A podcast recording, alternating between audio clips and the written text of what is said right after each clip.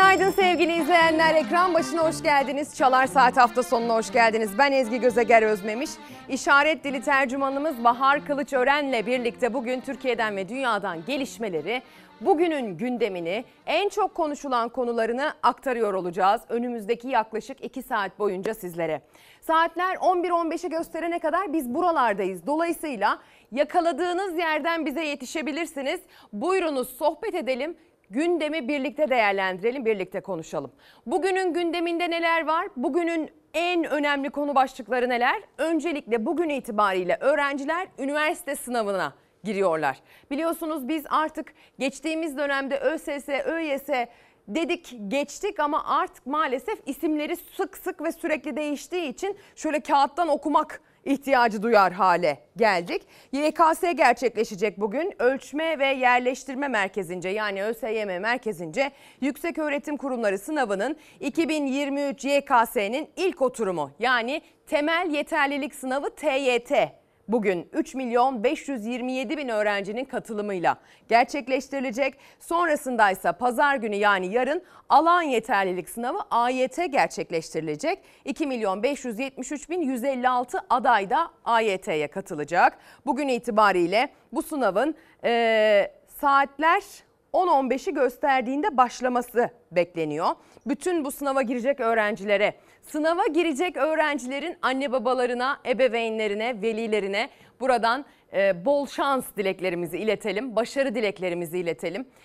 Bugün bizde hazır eğitim öğretim yılı bitmişken öğrenciler ilk ve orta öğretimdeki kardeşlerimiz karnelerini almışken biraz eğitim konuşalım istiyoruz. Bugün üniversite sınavında öğrenciler ter dökerken herkesin kafasında eğitimin gidişatına dair soru işaretleri varken burada konuyla ilgili bir uzman ağırlayacağız ve ilerleyen dakikalarda, ilerleyen bloklarda Türkiye'deki eğitim sürecini, yeni Milli Eğitim Bakanı'ndan beklentiyi, eğitimi tüm bileşenleriyle ele alarak öğretmeniyle, eğitim camiasındaki emekçisiyle, öğrencisiyle ve eğitimin gidişatıyla birlikte tüm bileşenleriyle ele alarak masaya yatırmak niyetindeyiz. İlerleyen dakikalarda ve yine aynı şekilde ilerleyen dakikalarda bolca ekonomi konuşacağız. Ozan Gündoğdu ekonominin yeni yönetimini, TÜSİAD'la yapılan toplantının şifrelerini, Mehmet Şimşek'in bundan sonraki atacağı adımların neyi nasıl etkileyeceğini, enflasyonun ve dolar beklentisinin artışıyla ilgili son durumu bize şifreleriyle anlatıyor olacak. İsterseniz hemen başlayalım e, gündemin başlıklarını aktarmaya. Öncelikle havadan bolca bahsetmemiz gerekiyor. Çünkü her ne kadar yaz mevsimi gelmiş olsa da hatta yaz tatili başlamış olsa da e, maalesef hala sel, su baskını, taşkın gibi mağduriyetlere sebep olacak yağışlardan söz etmek durumundayız.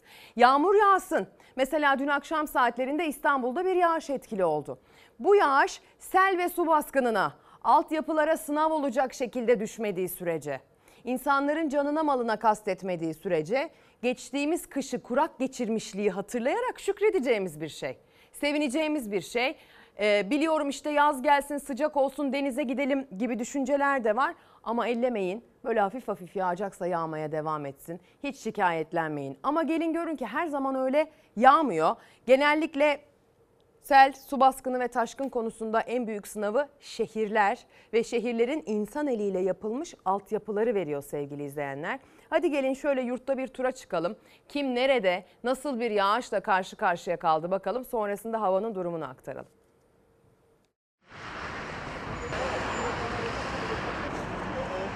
İstanbul için uyarıyordu meteoroloji. Mega kentte gecenin sessizliğini gök gürültüsü bozdu. Karanlık peş peşe çakan şimşeklerle aydınlandı ve yağmur bugün ve önümüzdeki iki gün daha etkili olmaya devam edecek.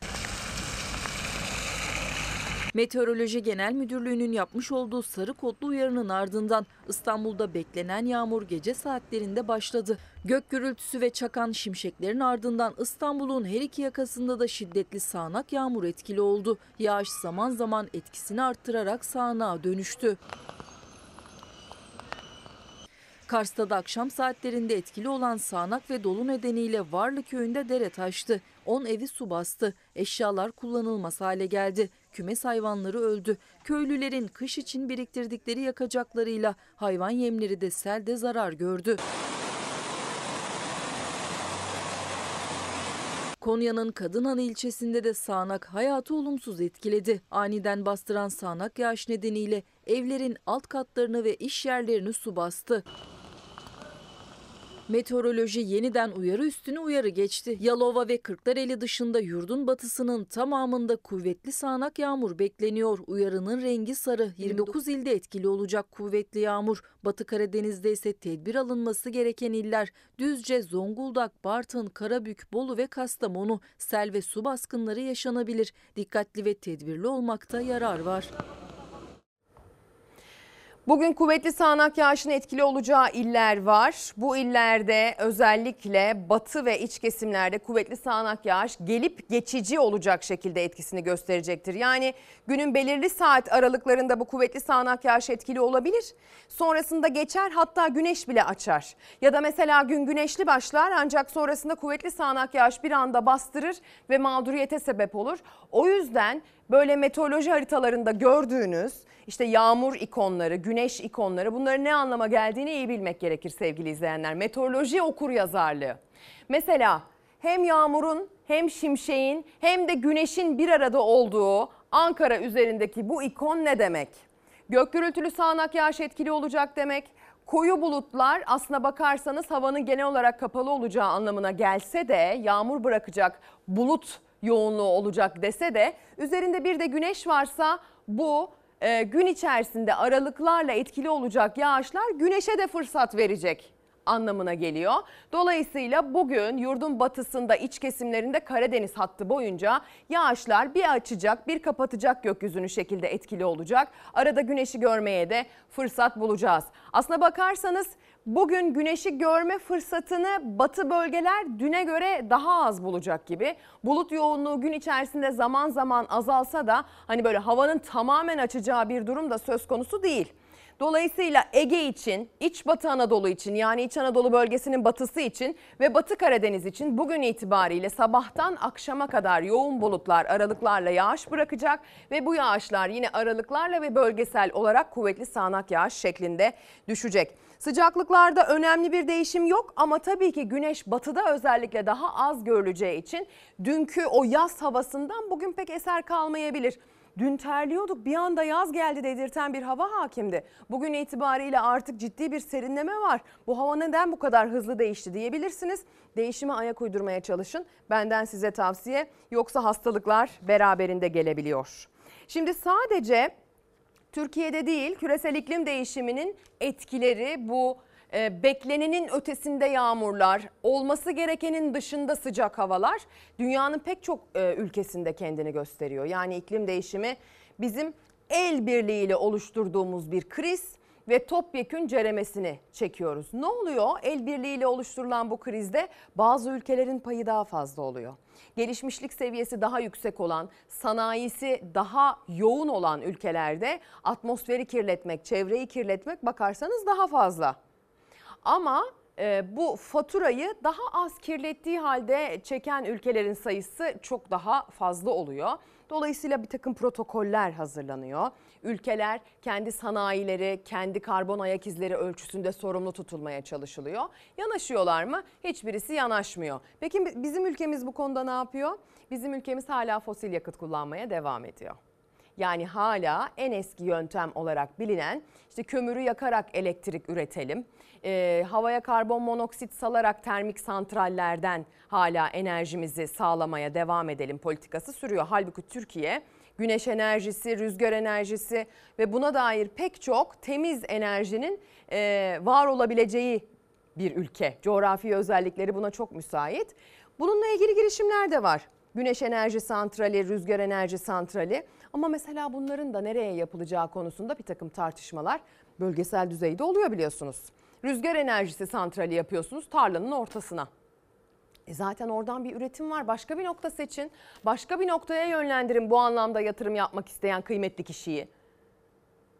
Ama maalesef biz hani sürdürülebilir olanı da çok doğru yapıyor muyuz derseniz pek öyle bir manzara şimdilik yok diyebilirim size. Hadi gelin Gürcistan'a, Hindistan'a bakalım. Ee, sel, su baskını ve taşkınlarda hayatını kaybeden oldu saydığımız bu ülkelerde.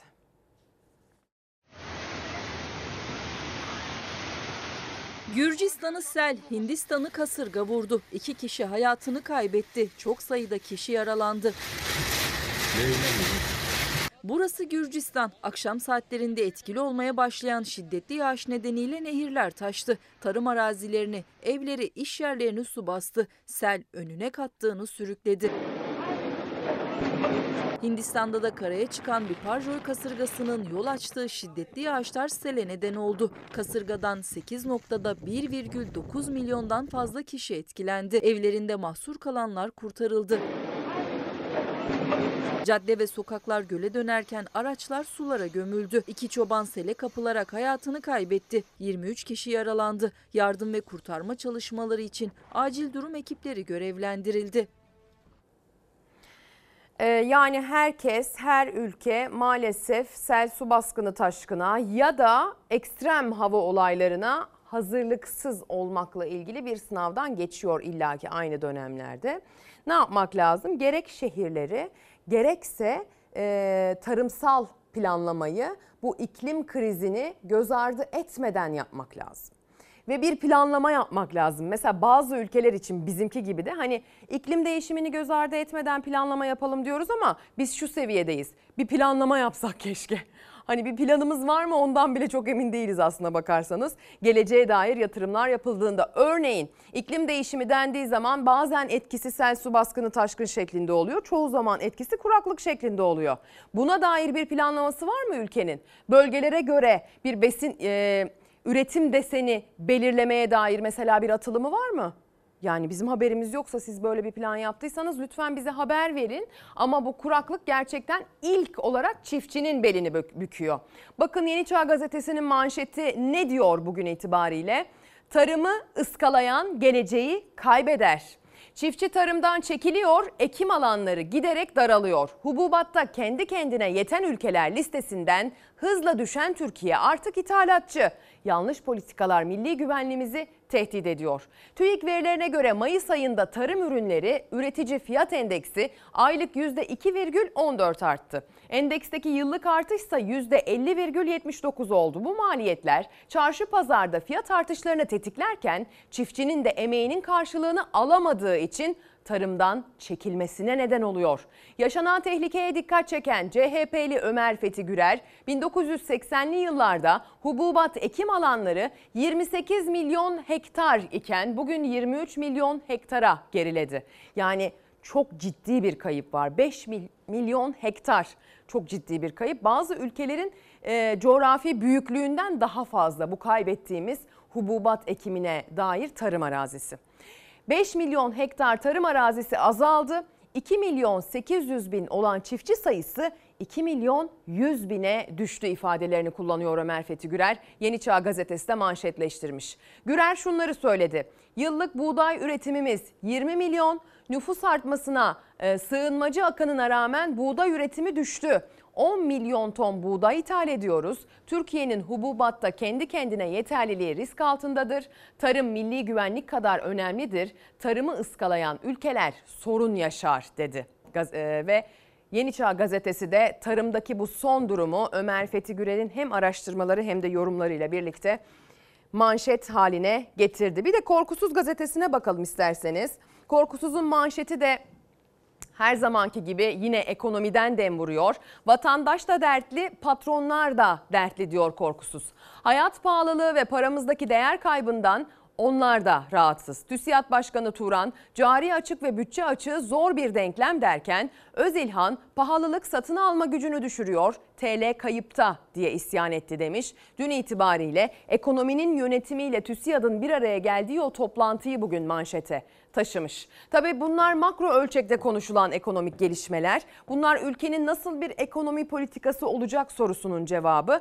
Mikro ölçekte baktığınız zamansa asgari ücretli başka bir beklenti içerisinde, emekli başka bir beklenti içerisinde sevgili izleyenler. İsterseniz emekliden başlayalım. Çalışma Bakanlığı emeklilere maaşların ve ikramiyelerin yarından itibaren yani bugünden itibaren yatırılmaya başlayacağını açıkladı. Emeklinin gözü tabii ki ne oluyor? İster istemez o bankamatiklerde ikramiyeye çevriliyor. Ancak Beklenen artış yaşandı mı, yaşanmadı mı? Haberimizden dinleyelim. Bir de siz yazın bakalım bize ekran başındaki emekliler olarak size zahmet. Siz beklediğinizi bulabildiniz mi? Emeklilerimizin bayram ikramiyesini 2000 liraya çıkardı. Şimdi bu rakamı daha da yukarıya çıkarmanın inşallah hesabı içerisindeyiz. Bir artış var mı? Yok. Olacak mı? O da yok. Olmuyor, vermiyor. Vermiyor maalesef. Arttırılmazsa da şaşmam.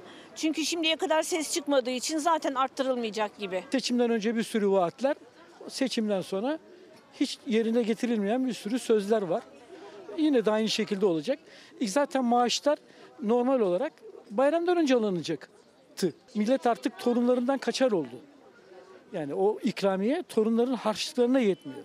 Torunlar yine aynı harçlığı alacak çünkü dedelerin, ninelerin beklediği artış gelmedi ikramiyelere. Çalışma Bakanlığı emekli maaşı ve bayram ikramiyesi ödeme takvimini açıkladı. 17-23 Haziran tarihleri arasında yani bayramdan önce aylığını alacak emekli. İkramiyede zam umuduysa başka bahara kaldı. Açlık sınırındayız artık. Her gün zam. Türkiye artık yaşanacak gibi değil. Emeklilerin yerinde bile kahve 15 lira. Bizi ne ilgilendiriyor diyorlar da her şeyde dolar bazında yükseliyor. Gidiyoruz bir sebze almaya fiyatlar değişmiş. Emeklinin beklentisi bayram ikramiyesinde artıştı. 2000 liralık bayram ikramiyesine zam sözü vermişti Cumhurbaşkanı Erdoğan. Ancak Kurban Bayramı'na sayılı gün kala beklenen o artış gerçekleşmedi. 2000 lira hiçbir iş görmüyor. 9000 lira diyorlar kasaplar bir küçük baş kurban bayramındaki kesilecek hayvanlar için hiçbir şey alamayacağız. İşte böyle günümüzü bir çayla geçiriyoruz. Bir kurban en az 8 bin liradan başlıyor. Onu zaten alamayız. Kasaptan eti alamıyoruz ki kurban keselim. Ödemelerin bayramdan önce yapılacağını yeni Çalışma Bakanı Vedat Işıkhan açıkladı. Emekliler maaş ödeme günlerine göre gruplandırıldı. 17 Haziran'dan başlayarak bir hafta içinde sırayla ödenecek maaş ve ikramiyeler. Bekliyorduk. Söz verdiklerinin hepsini yerine getirsin. Ne kadar da zammımızı alsak yapacağı zamlar gene de ekonomik krizimize yetişmiyor yani. Maaşların bayram öncesine çekileceğini tahmin ediyordu emekliler. Beklenti ikramiye de artıştı ama müjdeli haber gelmedi. 2000 liralık emekli ikramiyesi bayram alışverişine kurbanlık almaya yetmiyor. Emeklinin önceliği artık gününü kurtarmak. Anca evde bir çorba yemeğimizi kaynatıyoruz. O da bulursak 2000 lirayla evimize çoluğumuzu ço- çocuğumuzu toplayıp bir bayram masamızı kurmamız bile zor. Yani torunlara haşlığı bırakın, karne hediyesini bırakın. Yani bir masa kurmak bile zor. Bayramlar buruk geçiyor. Artık bayram mı gelmiş, sıradan bir gün mü fark etmiyor bizim için. Çünkü o heyecanımız e, kalmadı. Kapkara bir hüzün kapladı içimizi. Yaşamsal şeylerimize bile hasret kaldık yani. Nereden yazıp göndereceğiz Ezgi? Instagram'da paylaşım yapmadın ki diye hemen geldi. Anında geldi. Paylaştım. Buyurunuz efendim. Instagram ve Twitter üzerinden Ezgi Gözeger adresleri ev adreslerimizdir. Fikir, görüş, eleştiri bize lütfen yazınız, gönderiniz. Emekli olabilirsiniz, asgari ücretli olabilirsiniz ya da asgari ücretli dahi değil ama ona yakın komşu adreslerde ücretlendiriliyor olabilirsiniz. Beklentiniz ne? Bu hafta itibariyle aslında buna dair pek çok beklenti cevap bulacağı benziyor. Yani ilerleyen günlerde biz konuşacağız bunların tamamını. Diyeceğiz ki işte e, şöyle bir toplantı gerçekleştirildi. Asgari ücret komisyonu ikinci kez toplandı. Pazartesi günü itibariyle bir toplantı gerçekleşecek. Salı günü bir sonuç çıkacak mı çıkmayacak mı belli değil. Belki de Bakanlar Kurulu toplantısından sonra net bir açıklama yapılacak. Ama yeni asgari ücretin beklentisinin karşılık bulmasına çok az kaldı. Sizin beklentiniz nedir onu da yazabilirsiniz. Temmuz ayı itibariyle emekliler için bir kademelendirme sözünü eski bakan seçim öncesinde vermişti. Buna dair beklentinizi dile getirebilirsiniz sevgili izleyenler. Biliyorsunuz orada bir adaletsizlik söz konusu. Ee, emeklilikte de Yurt genelindeki ücretlendirmede de tabanda buluşma, tabanda yoğunlaşma yani fakirlikte çoğalma gibi bir durum yaşıyor ücretli çalışanlar. Ee, emekliler de benzer bir adaletsizliği kendi içlerinde yaşadılar.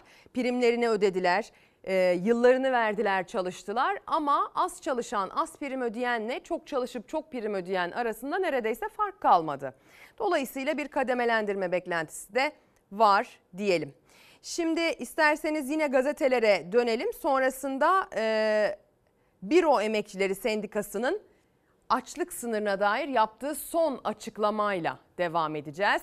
Bugün itibariyle ekonomiden bahseden pek çok gazete var. Pencere gazetesi de bugün ilk sayfasından ekonomiden bahseden gazetelerden biri oldu.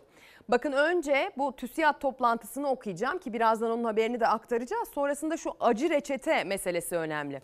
Son 10 yılın en sıkıntılı dönemi. Hazine Bakanı Mehmet Şimşek'le görüşmesinden sonra Yüksek İstişare Konseyi'ni toplayan TÜSİAD'da konsey başkanı Tuncay Özilhan ekonominin fotoğrafını çekti. Göstergeler ekonomimizin son 10 yılın en sıkıntılı döneminden geçtiğini gösteriyor ifadelerini kullandı. İhracatın düştüğüne, rezervlerin eridiğine, dış açığın büyüdüğüne ve yüksek enflasyona dikkat çeken Özilhan, makroekonomik istikrar, yapısal reformlar ve hukuk devleti başlıklarında ilerleme beklediklerini söyledi diyor. Acı reçete kime yazılacak başlığının altı da önemli. İsmine Türkiye modeli denilen bütün itirazlara rağmen 2 yıldır sürdürülen ve sistemdeki dengeleri alt üst eden ekonomi modelinden vazgeçiliyor. Şimşek yeni döneme ilişkin program hazırlıyor. İktisat dünyası o programdaki acı ilacın kime ne kadar dağıtılacağını tartışıyor. Profesör Selva Demiralp acı ilacın yüksek gelir gruplarına içirilmemesi için Mehmet Şimşek'in önem önlem alması gerektiğini söyledi. Acı ilacın düşük gelir gruplarına içirilmemesi için Mehmet Şimşek'in önlem alması gerektiğini söyledi diyor. TÜSİAD da benzer bir talebi dile getirdi diyor. Yani tabandan değil de tavandan bu acı reçeteye dair bir takım beklentiler olmalı. Çünkü zaten en tabanda ücretlendirilen yaşayacağını yaşadı, çekeceğini çekti. Yıllardır özellikle son 2-3 yıldır e, yükü taşınamaz hale geldi. O yüzden hadi gelin şöyle mesela çifter çifter arabası olan, ne bileyim işte denizde yatı, birkaç tane evi atıyorum. Yani böyle birazcık bunun sınırını belirlemek lazım. Kimden nasıl ne kadar vergi alacağız noktasında belki birazcık daha yüksek ücretlendirilene bakmak lazım. Çünkü Büro Emekçileri Sendikası açıkladı. 4 kişilik ailenin açlık sınırının kendi hesaplarına göre 12.732 liraya çıktığını. Sendikamızın araştırma merkezi BESAR olarak e, Mayıs ayı 2023 yılının açlık ve yoksulluk sınırını açıklıyoruz. Gıda madde fiyatları üzerinden yapılan hesaplamaya göre 4 kişilik bir ailenin açlık sınırı 12.732 lira oldu. Gıda harcaması ile birlikte giyim, konut, kira, elektrik, su, eğitim, sağlık ve benzeri ihtiyaçlar için yapılması zorunlu diğer aylık harcamaların toplam tutarı ise yani yoksulluk sınırı ise 40.661 lirayı buldu. Tek bir kişinin yaşam maliyeti ise 17.188 lira oldu. Büro Emekçileri Sendikası olarak kamuda yoksulluk sınırının altında bir ücret alan kamu emekçisi kalmasın sözümüzü tekrarlıyoruz. Talebimizi tekrarlıyoruz. Kamuda açlık sınırının altında yaşayan emekçiler var. Sağlıklı beslenmenin günlük maliyeti 424 lirayı geçti. 2023 yılında asgari ücret açlık sınırının altında kaldı. En düşük emekli maaşı 7500 liraya yükseltilmesi hiçbir anlam ifade etmemektedir. Bekar bir kamu emeklisinin yaşam maliyeti 20 yıllık evli, iki çocuklu ve şef kadrosunda çalışan bir memur maaşının üzerine çıktı. Büyük şehirlerde kamu emekçilerinin e, sağlık, gıda ve barınma ihtiyaçlarının toplam tutarı 40 bin liranın üzerine çıkmışken aldığımız ücretler 11 bin ile 15 bin arasında bir ücrete tekabül ediyor. BES olarak, bir emekçi sendikası olarak tüm kamu emekçilerine, asgari ücretlilere, emeklilere, işsizlere, yoksullara insanca yaşayacak bir ücret talebimizi tekrarlıyoruz buradan. Evet Birleşik e, BES olarak yani Kamu Emekçileri Büro Emekçileri Sendikası olarak Aziz Özkan tarafından yapılan bir açıklamaydı. 4 kişilik bir ailenin açlık sınırının 12.732 lira olduğunu, hesaplamalarının bu yönde olduğunu dile getirdiler. Bakın bu çok önemlidir. Siz ekran başında 4 kişilik bir ailenin başındaysanız mesela 4 kişilik bir aileye sahipseniz ya da 12.732 lira kazanıp kazanmadığınızı belki bize yazar gönderirsiniz. Çünkü bunun aşağısı artık açlık demek. Yani hani kuru ekmek yiyorlarsa karınları toktur demek ki noktasından gerçek bir beslenmeye artık beklentiyi çevirmek lazım. Hayattan beklenenin e, hak ettiğimiz ölçüde artması lazım. Biz iyi beslenmeyi, çocuklarımıza et, süt, yumurta, peynir gibi özellikle temel gıda ürünlerinden hakkınca, yeterince yedirmeyi hak eden birer vatandaşız. Biz çok yüksek vergilendirilen vatandaşlarız çünkü. Biz çocuğumuzu en iyi okulda okutmayı ve bunun için para harcamamayı hak eden vatandaşlarız. Aldığı eğitim kalitesinin yüksek olmasını talep edebilecek kadar hakkımız var bizim. Yani kamuda çalışıyor olabilirsiniz, işçi olabilirsiniz, asgari ücretli olabilirsiniz, emekli olabilirsiniz, özel sektör çalışanı olabilirsiniz. Fark etmeksizin söylüyorum. Çünkü gerçekten çok ciddi vergiler ödüyorsunuz bu devlete. Dolayısıyla e, bu açlık, yoksulluk meselesiyle ilgili düşünce tarzını değiştirmek lazım. Mesela tatil geldi, yaz tatili başladı. Gidebiliyor musunuz bir hafta bir otelde kalabiliyor musunuz? Çoluk çocuk eğlendirebiliyor musunuz? Çocukları şöyle bir havuza denize sokabiliyor musunuz mesela? Bunu yapabiliyor olmanız lazımdı. Haftada bir sinemaya, tiyatroya gidebiliyor olmanız lazımdı. Bunun parasını düşünmeden yaşayabiliyor olmanız lazımdı. Şöyle çoluğu çocuğu alıp hep beraber en azından ayda bir kere akşam yemeğini dışarıda yiyebilecek kadar ekonomik güce sahip olmanız lazımdı. Bakın işçi, emekli, asgari ücretli ayırt etmeksizin söylüyorum. Ve bayağı da insaflı davranıyorum. Restoranda yemek yemek için ayda bir falan diyorum. Çok daha fazlasını hak ettiğimizi bilmemiz gerekiyor. Karın tokluğuna yaşamayı değil, hakkınca yaşamayı bir kere geliyoruz dünyaya. Bunu e, hakkımızca yaşamayı talep edebilmemiz lazım. Aslında Selçuk Tepeli'ye çıkıyor. Patron sizsiniz diyor ya. Bunu bilmek, bunu idrak etmek, içselleştirmek gerekiyor belki de. Peki patron patron dedik. Birazdan patronların toplantısına gideceğiz ama öncesinde bugün itibariyle ter döken e, üniversiteli olmak için sınava girecek olan öğrenci kardeşlerimizin heyecanına ortak olalım. 3 milyon 527 bin 466 aday bugün o sınavda ter dökecek. YKS sınavına girecek 3 milyon 527 bin 466 aday bugün ve yarın üniversiteli olmak için ter dökecek. Bugün TYT'ye yani temel yeterlilik sınavına giriyor milyonlarca öğrenci. 120 soruluk ilk oturum 165 dakika sürecek. Sınav pazar günü de iki oturumla devam edecek. 160 soruluk AYT 180, 80 soruluk YDT ise sınavın son oturumu olacak ve 120 dakika sürecek. Sınavlardan 15 dakika önce kapılar kapatılacak. Sınav salonuna aday alımı tamamlanacak.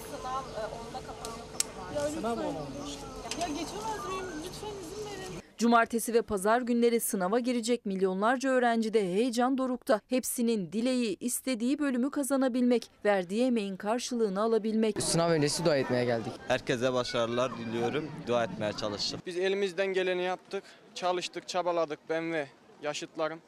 Gerisi Allah'a kaldı. Allah isteyen, çalışan herkese nasip etsin. Sınav öncesi türbeler ve camilerde doldu taştı. Sınav heyecanını yaşayan gençleri, anne babaları, anneanne ve babaanneleriyle dedeleri de yalnız bırakmadı. Tüm zor şartlara rağmen sınava hazırlanan depremzede öğrenciler de emeklerinin karşılığını alabilmek için dua etti. Hem deprem bölgesinden gelip hem de sınava öğrencisi olmak çok zor. Çünkü beraber sınava hazırlandığın arkadaşlarını bir gecede kaybediyorsun. Öğretmenlerini, yakınlarını. Bu psikolojiyi de atlatamamışken hala yani girecek bir evin yokken gelecek bir sınavın olması gerçekten çok zor psikoloji. Şimdi patronların buluşmasıyla devam edeceğiz ama acı ilaç, acı reçete dedim hemen e, mesajlar gelmeye başladı. Kendini hatırlatan bir grup Işıl Sipahioğlu göndermiş. Dul ve yetim aylıkları çok düşük. Onları düşünen var mı acaba? Lütfen gündeme getirin diye. Bu konuda çok fazla mesaj gönderiyorsunuz. Haber dosyası haline getirip ekrana taşıdığımız da oldu. Siz mesaj attıkça sık sık da okumaya çalışıyoruz. Bir diğer mesaj okuyacağım. Acı reçete, acı ilaç üzerinden. Diyor ki Ayşe Gencay gönderdiği mesajda Acı ilacı tabii ki fakir öder. Herkes bilir ilaç acı olduğu zaman çocuğun burnu tutulup kapatılır ve nefes almak için ağzını açması beklenir. Ağzını açtığı anda nefes alacağını zanneden çocuk acı ilacı yutar. Zengin olana acı ilaç verilmez çünkü o sağlıklı beslenir hasta bile olmaz. Olsa da hiç hissetmeyeceği bir tedavi alır ve eskisinden daha sağlıklı çıkar bu dönemden. Hakkımız haram zıkkım olsun diye yazmış, göndermiş mesajını. Dün itibariyle Türkiye'nin yeni ekonomi yönetimi patronlarla, patronların zirvesi TÜSİAD'la bir araya geldi. Sonrasında basına kapalıydı ama sonrasında kürsüden mesaj niteliğinde bir açıklama da yaptı TÜSİAD dinliyoruz.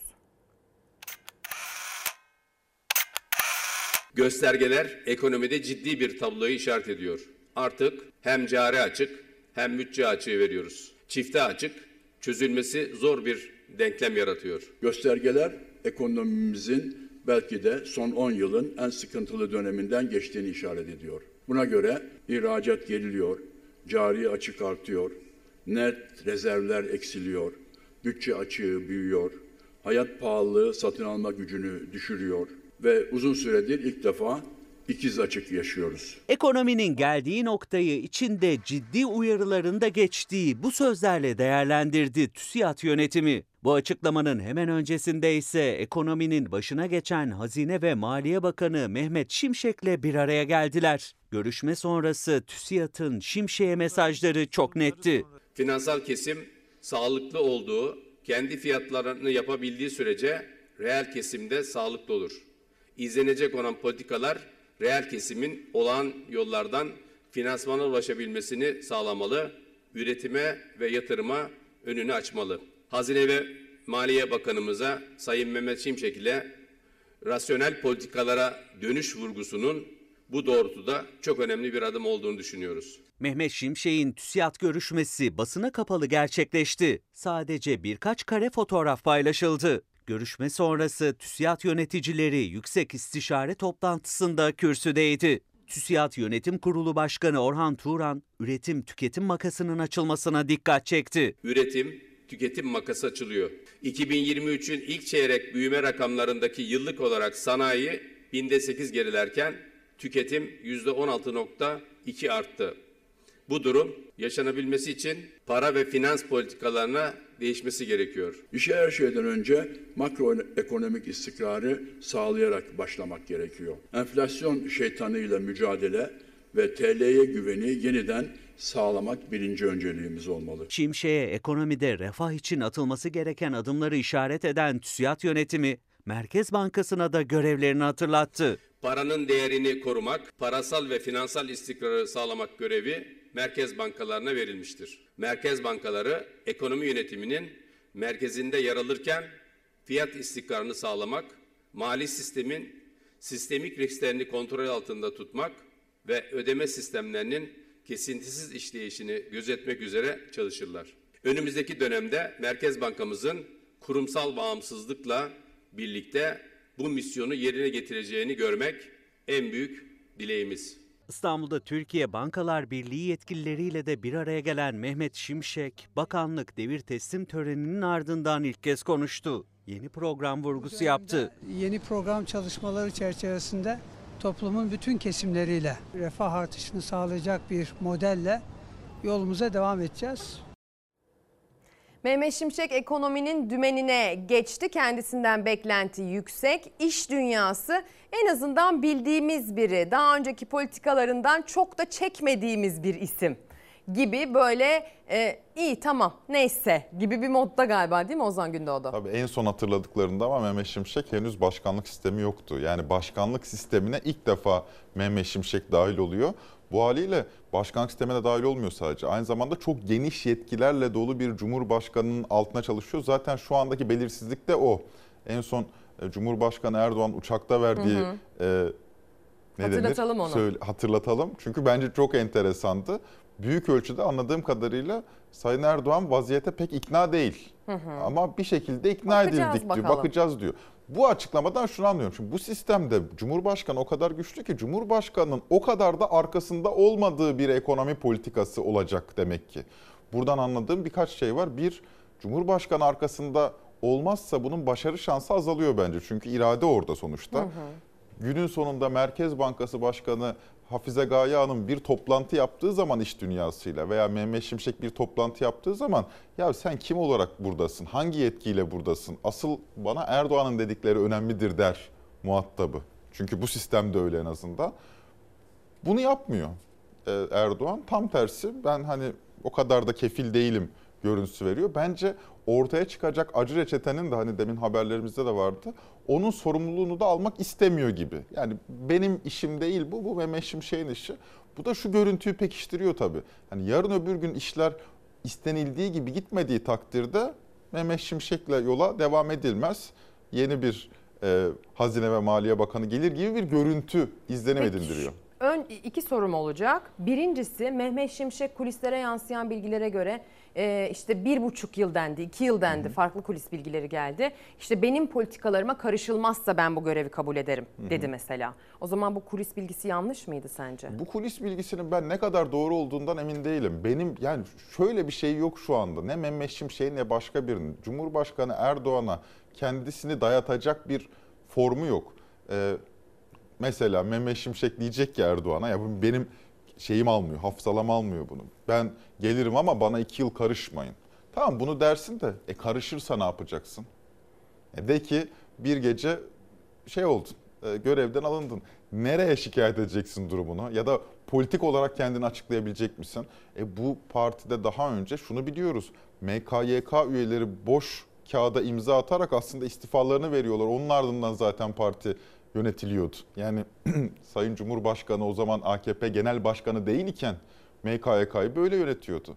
E şimdi bu, bu, bu sistemde Cumhurbaşkanı'nın bir şeye karışmaması gibi bir şey söz konusu değil. Üstelik de e, sistem daha da meşruluğunu ortaya koyar bir hale geldi. Şimdi hani E tabii. e, yeniden seçildi. Bu aslında yeni sisteme ve yeni sistemle ekonominin geldiği bu hale seçmen onay verdi. E tabii şimdi e, şeyde e, TÜSİAD toplantısından sonra Merkez Bankası bağımsızlığına ilişkin vurgu yapmışlar. Şimdi hafıza tazeleyelim. Yani Türkiye'de hafızamız o kadar kötü ki böyle sürekli önümüze geçen haberlerle yuvarlanıp gidiyoruz. Bundan 5 sene evvel, hayır 4 sene evvel 2019'da Temmuz ayında Murat Çetinkaya görevden alınmıştı. Bu o zaman için ilk kez başımıza gelen bir şeydi. Doğrudan Merkez Bankası Başkanı'nın görevden alınmasına alışkın değildik. Çünkü Cumhuriyet tarihi boyunca merkez bankaları idari bağımsız olarak bilinir. Öyle beğenilmediği zaman görevden alınacak bir adam değil. Ardından Sayın Erdoğan açıklama yapmıştı. Yeni sistemde bu yetkim var ve ben bu yetkimi kullandım. Söz dinlemiyordu adam dedi. Şimdi yeni sistemde zaten yani 2018'den beri bu yana uygulanan sistemde Cumhurbaşkanı'nın Merkez Bankası Başkanı'nı görevden alma yetkisi olduğunu bizzat Cumhurbaşkanı hem söyledi hem de bu yetkiyi kullandı. Şimdi dolayısıyla Hafize Gaye Hanım ne yaparsa yapsın bütün piyasanın eli böyle acaba görevden alınır mı alınmaz mı endişesiyle geçecek. Ha Murat Çetinkaya da başarısız bir Merkez Bankası Başkanı mıydı? Konuşulur uzun konuşulur değildi yani. Peki şöyle sorayım sana. Şimdi ekran başındaki asgari ücretli, emekli, işte ne bileyim sabit ücretle çalışan işçi, memur, özel sektör çalışanı her neyse. Bu çalışan kesim dün itibariyle daha önce yapılmayan bu TÜSİAD toplantısının yapılmasından, sonrasında kürsüde ekonomi yönetimine ciddi mesajlar veren o konuşmadan, o açıklamadan biz ne anlayalım? Sabit ücretli, bordrolu çalışanlar, emekli ne anlasın? Yani evet çok güzel soru ya. Bu, bu kadar üstten, bu kadar teknik konuşulunca aslında e, içinden geçeni gizlemiş oluyorsun. Aslında vaka şudur. Türkiye ekonomisinin yavaşlatılmaya ihtiyacı vardır. Son derece hızlı gidiyorduk, son derece hızlı büyüyorduk. Bu hızlı büyüme işi zannedilenin aksine iyi olmayabilir. Bakın ne diyor beyefendi? Üretim artmazken tüketim artıyor diyor.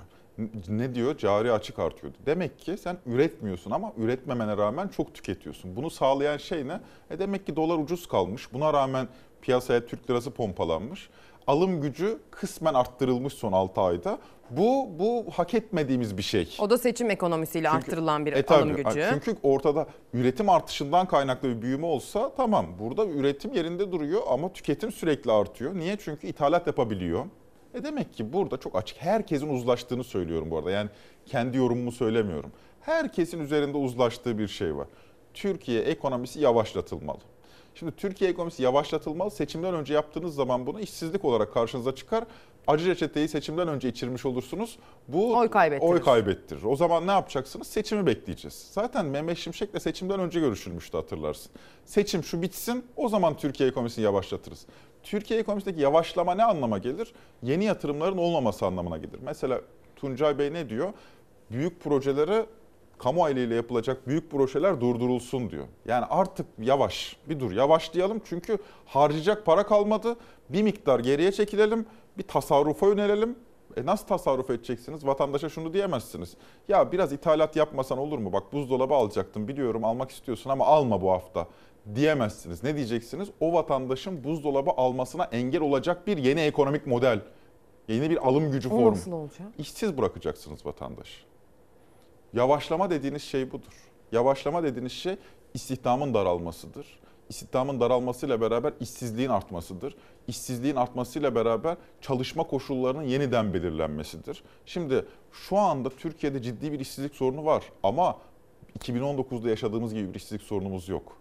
İşsizlik son 20 yıla baktığımız zaman ortalamanın altında şu anda. Yerel seçimden önce işsizliği artıracak bir ekonomi politikası yapılabilir mi? yapmayacaklardır. O yüzden zaten 22 Haziran'daki şeye ilişkin Merkez Bankası Para Politikası Kurulu toplantısına ilişkin iki görüş öne çıkıyor. Bu bir şekilde faizi arttırarak ekonomiyi soğutacaklar da sert bir faiz artışı mı yapacaklar yoksa peyderpey mi arttıracaklar? Şimdi peyderpey arttıracak diyenlerin tezi o. Yerel seçimlerden önce sert bir faiz artışı ekonomiyi çok daraltır, e, çok soğutur. Bu tehlikeli olur. İşsizliği bir anda arttırabilir. İşsizliği bir anda arttırabilir. Genel eğilim de zaten o. Hani asıl Mehmet Şimşek'in asıl politikası şeyden sonra başlar. Yerel seçimden sonra başlar. Çünkü seçimlere kadar istihdamın korunması icap eder. Karar Gazetesi'nin manşetini alabilir miyim yönetmenim? Karar Gazetesi bugün itibariyle beklentilerin de zamlandığını manşete taşıyor ve diyor ki dolara ve enflasyona dair beklentiler de zamlandı diyor.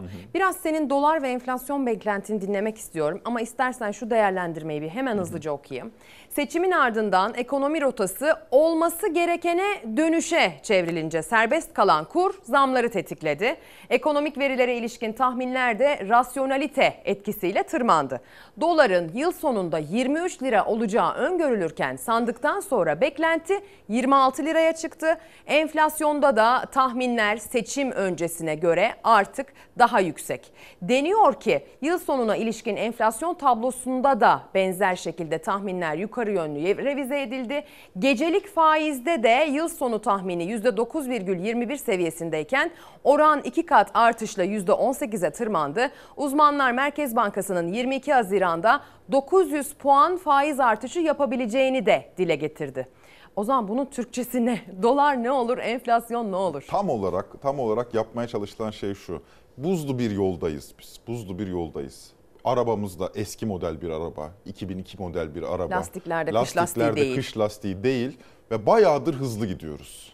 Yani bayağıdır böyle 150-200 kilometre hızla gidiyoruz. Şimdi şunu tartışıyorlar. Biz frene basalım da bunu sert mi basalım, yavaş mı basalım? Şimdi yavaş basmanın da bir Motor freni belki buzlu yolda daha Olabilir. mantıklı olabilir. Yani bu aşamada yavaş basmanın da riskleri var. Çünkü belli ki önümüzde bir cisim var. O cisme doğru gidiyoruz. Hızlı basmanın da riskleri var. Ama şunu söyleyebiliriz. Mehmet Şimşek temel motivasyonu enflasyonu düşürmek olan bir bakan. Şimdi ben böyle deyince ah ne güzel diyor vatandaş da. Çok şükür enflasyonu art düşürecek. Fakat enflasyonu düşürmenin bedeline katlanacağımızı anlatmaya çalışıyor. Bu bedele katlanmak durumunda değiliz. Bence aksi yönde ekonomik modeller geliştirilebilir. Ama Mehmet Şimşek'in bildiği budur. Yani Mehmet Şimşek'in uygulayacak olduğu budur. Enflasyonu düşürürken ekonomiyi soğutmak, bu anlamda istihdam, yeni istihdam olanaklarını kapatmak, hatta belki mevcut istihdamın bir kısmını da telafi etmek, e, dışı, iş gücünün dışına çıkarmak. Neden ne- neden bahsediyorum? Şundan bahsediyorum. Örnek veriyorum. %7,5 borçla, %7,5 faizle siz ticari kredi dağıtmışsınız pandemiden bu yana. Bu ne demek biliyor musun sevgili Ezgi? Enflasyonun %85'e vardığı bir ortamda bedava para dağıtmışsınız. Bedava para. İnanılmaz bir şey bu. Ya gerçekten bana %7,5 faizle borç verseler hiç düşünmem. Hemen hemen derim ya. Ödeyebilecek misin? Bakmam ya en kötü. Türk lirasıyla borçlan. E, Türk lirasıyla bo- borçlanabildiğin kadar borç. Şimdi bu bu şekilde semirmiş bir iş dünyası var. Bu iş dünyası deyince böyle büyük şirketlerden bahsetmiyorum. Esnaf kobi ölçeğinde dağıtılan paradan bahsediyorum. Şimdi bu kişiler borçlu.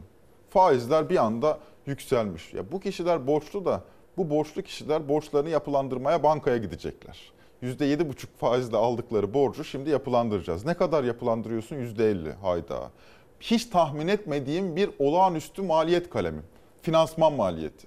Bu finansman maliyetindeki artışı 2019'da görmüştük. Rahip Brunson krizinden sonra. Bir anda işletmeler işçi çıkarmaya başladılar.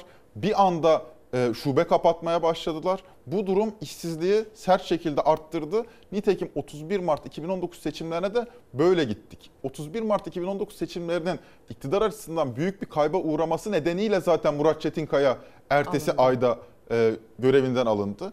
Bizim karşımızda şu anda dolarda veya enflasyonda bence kötümser bir tablodan ziyade işsizlikte kötümser bir tabloyla karşı karşıya kalacağız. O noktada yaptıkları şudur şu anda. Doları serbest piyasaya bıraktılar. Yani müdahale etmeyi, seçimle beraber müdahale etmeyi bıraktılar ve dolar zaten 23,5 lira bandına ilerledi. Bu do- doların doğru hareketiydi. Yani serbest piyasaya bırakıldığı zaman gerçek fiyatına doğru. Reel konumuna geldi. Evet. O noktada biz tuhaf bir şey değildi yani 20'den 23,5 liraya sıçrayan dolar bir kur şoku değildi. Aslında tamam artık müdahale etmeyi bırakıyoruz dendikten sonra yaşanan bir hareketti. Bu hareket yazın sonunda yeniden devam edebilir. 26-27'in fiyatlanması o. Neden? Çünkü yazın sonunda şimdi turizm gelirleri bizi bir miktar rahatlatacak. Fakat turizm gelirlerinin bitmesiyle Azalınca. sonbahar aylarında ufak bir hareket daha görürüz. Bu görürüz derken kesin değil. Yol kazaları da olabilir. Fakat Türkiye ekonomisinin seyrine baktığımız zaman yaşayacağımız tablo, geçmişe bakıp da göreceğimiz tablo bu. Enflasyonun da eğer sert faiz artışları olursa enflasyonun da bir miktar dizginleneceğini tahmin edebiliriz. Yani bu zamana kadar yaşananlardan böyle matematiksel bir takım verileri birleştirerek yorumlarsak o zaman e, sonbaharda bu doların 26 liranın üzerine yani kurun 26 liranın üzerine çıkması asla sürpriz olmaz. Sürpriz olmaz. Ama sen Herkesin diyorsun beklentisi ki e, şunun da garantisi yok. Doların e, dolar kurunun 30 liraya çıkmayacağının da bir garantisi, yok. Garantisi yok tabii. Yani bu da yol kazası olur. Dediğim gibi son derece riskli bir atmosferde ilerliyorduk zaten son 1-2 yıldır. Şu söylenebilir. E, Mehmet Şimşek'in asıl sınavı bütçede. Şimdi çok büyük bir laf etti. Mali disiplin dedi. Asla taviz vermeyeceğiz dedi. Tunca Özilhan da TÜSİAD Başkanı da bu mesele ikiz açık vurgusuyla. Yani ikiz açık ne demek? Hem cari açık hem bütçe açığı veriyorsunuz. Şimdi cari açığı kapatmaya çalışırken zaten işte ekonomiyi soğutunca siz bu faiz artışlarıyla beraber cari açığı aşağıya çekersiniz. Ama bütçe açığını nasıl kapatacaksınız? Şimdi en düşük memur maaşı olacak 22 bin lira. Bu iddiasız devam ediyor. Bunun yanı sıra şehir hastaneleri giderek büyüyen bir e, bütçe gidene dönüştü. Çünkü şehir hastanelerine açılması güzel de biz toplamda Sağlık Bakanlığı bütçesinin %30'una varacak kadar kira ve e, hizmet alım bedeli diye şehir hastanesi müteahhitlerine para veriyoruz. Bunlar var. Emekli için beklenti var. Emekli için belli beklentiler var. Şimdi bu atmosferde ve bu atmosferde bile bütçe açık veriyorken şimdi bir de daha fazlasını vereceksiniz. E deprem için giderler var vesaire. Bunun anlamı şu. E bütçeyi denk tutacağım diyorsa Sayın Bakan iki yolu var. Ya harcamaları kısacak. Harcamaları kısacak ya da bazı vergileri arttıracak. Harcamaları kısmak için de ilk kısılan kalem yatırım harcamaları olur. Yani devlet iki tip harcama yapar. Ya tüketim harcamaları, personel gideri mesela ya da mal hizmet. Bir de bazen yatırım harcamaları yapar. Yeni okul yapar. Yeni hastane yapar. Yeni yol yapar. Yatırım- TÜSİAD dün bunları bir durdurun kardeşim. Kardeş ha aynen. TÜSİAD dedi ki kardeşim şu yatırım harcamalarını tamam personele para vermeyin demiyoruz da şu yatırım harcamalarını bir durdurun dedi. Mehmet Şimşek'in de yapacağı muhtemelen odur. Lüzumu olmadığını düşünülen yatırım harcamaları kısılır. Bu ne demek zaten işsizlik demek. Burada buna bir virgül koymak istiyorum. İki dakikamız var değil mi reklama İrfan Tomakin? Ee, CHP konusundaki öngörülerini de sormuşum. Şimdi doları sordum sana, enflasyonu sordum, işsizliği sordum. TÜSİAD ne dedi, şifreleri neler dedim. CHP'nin de çözülmesi CHP. gereken şifreleri var. Öyle anlıyoruz ki biz bu yaz döndür dolaş bir ekonomi konuşacağız, Biz bir de CHP, CHP konuşacağız konuşacağız, gibi değil. görünüyor Bana yani. da öyle- bana da yani öyle yeni bir hükümet kuruldu. Sistem kendini e, meşrulaştırdı artık. Yola devam onayını seçmenden aldı. Buna rağmen biz işte yeni kabineydi, oradaki değişiklikti falandı filandı değil. Muhalefeti ve CHP'yi Valla sevgili konuşacağız. Ezgi açıkçası CHP konuşmayı da özlemişiz. Çünkü bayağıdır çünkü biz CHP hani 10 küsür yıldır CHP konuşulur da son 2-3 yıldır CHP'yi pek konuşmuyorduk. Çünkü bir liderlik krizi yoktu vesaire. Hani zaten Evet. Kemal Kılıçdaroğlu son kurultayla beraber liderliğini şey yap. Parti içi bir muhalefetten bahsetmiyorduk CHP'de. Şimdi bu seçim sonuçlarıyla beraber üzerine kül dökülmüş parti içi muhalefet silkindi kendine geldi ve şu anda kendisini gündem ediyor. Valla CHP konuşmaya bana kalırsa yazın sonuna kadar dediğin gibi devam edeceğiz. Ee, Kılıçdaroğlu e, Değişim kaçınılmaz mı sence? ben kaçınıl ben kaçınmanın artık imkansız olduğunu varsayıyorum. Çünkü herkes artık şunu konuşuyor. Herkes şunu konuşuyor. Kemal Kılıçdaroğlu'ndan sonraki genel başkan acaba kim olacak? Şimdi bunu Kemal Kılıçdaroğlu'nu sevenler, destekleyenler de soruyor. Kemal Kılıçdaroğlu'nu eleştirenler de soruyor. Çünkü bu aşamada artık 100 yıllık partinin geleceği tartışma konusu. Ne olacak? Bir de ikincisi sadece bu değil. Genel başkanın kim olacağından ziyade 21. yüzyıl sosyal demokrasisine nasıl uyum sağlayacak CHP? Yani yeni vizyonu ne olacak? Çünkü CHP'deki 100 yıllık gelenek şunu söyler. Her genel başkan bu noktada Hikmet Çetin'le Altan Öğmen'i kenara bırakmak gerekir. Onlar çok kısa genel başkanlık yaptılar ama Atatürk, İsmet İnönü, Bülent Ecevit, Deniz Baykal, Kemal Kılıçdaroğlu bunların hepsi 10 küsür yıl CHP'nin başında kalmış isimler ve her biri bir paradigma değişimini ifade eder CHP'de. Yani Deniz Baykal da bir paradigma değişimidir. Kemal Kılıçdaroğlu da, Bülent Ecevit de, İsmet İnönü de. Bunların hepsi bir paradigma değişimini ifade eder ve demek ki yeni bir paradigma değişimine hazırlanmaktadır CHP. Şimdi o paradigma değişiminde kontrol kimde olacak? Aslında bence CHP'deki savaş budur. Yani Kemal Kılıçdaroğlu'nun verdiği ben buradayım dediği şey de aslında bu paradigma değişiminde rol sahibi olmak ya da kendi paradigmasını, kendi kurduğu ittifaklar siyasetini ya da partiyi e, sağ kesimlere de açma siyasetine başarılı buluyor. Ki Bunu, o partiyi sağ kesimlere açma paradigması yani e, Halil İbrahim sofrası, Evet, her evet. görüşten insan, CHP bu ülkenin hani siyaset çatısıdır gibi bir yaklaşım var ya. Hı hı. Onun aslında en büyük çatlağını da Abdülatif Şener'le Evet, verdik galiba Yani çok hafta. büyük gol oldu. Çok yani o siyasete, Kılıçdaroğlu'nun bu siyasetine bence atılmış en büyük goldü. En büyük goldü. Şu anda CHP tabanı tırnak içinde haklı olarak diyor ki e kardeşim ah Al işte buyur. al işte buyur. Bak AK Parti'nin kurucusu adamı getirdin Konya'dan Getirdin. milletvekili yaptın. listeden aday göstermeyince bak sana oy bile vermiyor. Ne oldu? Bu taban şu anda şu şeye alıştı. Kardeşim deva dedin al hiçbir katkıları olmadı. Gelecek Partisi dedim bak bir katkıları olmadı. Biz bunları sırtımızda taşıyoruz. Bir de bak Abdülatif Şener diye bir adamı getirdin sana oy bile vermemiş. Şimdi nasıl döneceksiniz? Halka bunu açıklayacaksınız. E, bu zamana kadar da doğru tam açıklayamamıştınız zaten. Zaten, yani bu evet. zamana kadar da Bir başarıyla taçlandıramamıştınız bu paradigmayı. E çünkü CHP tabanı e, ya da muhalif taban genel olarak muhalif taban bu harekete yani Deva ve Gelecek partileriyle beraber seçime girme, altılı masaya bu iki partiyi de alma tavrına şu yüzden onay vermişti. Böyle bir demokrat bir vizyonla onay vermemişti. Demişti ki ha tamam iktidar partisi çözülürse bu partileri oyu artar. Ha böylece iktidarın değişmesi kolaylaşır. İyi bari bunlar kalsınlar. Ses etmemişti yani CHP tabanı. Fakat seçimle beraber ortaya çıktı ki ya hiç öyle umdukları gibi bir AKP'den çözülüp şeye giden, devaya geleceğe giden bir şey yok. AKP'den çözülen MHP'ye gidiyor. Yani Erdoğan'dan vazgeçmiyor. Böylece bir şey de oluştu. Biz bunları sırtımızda niye taşıyoruz? Duygusu oluştu. Tam bu duygunun orta yerinde Abdülatif Şener ben zaten Kılıçdaroğlu'na oy vermedim dedi. Çok zor Bakalım, bu saatten evet, bu- sonra aynı politikayı e, kamuoyuna izah etmek.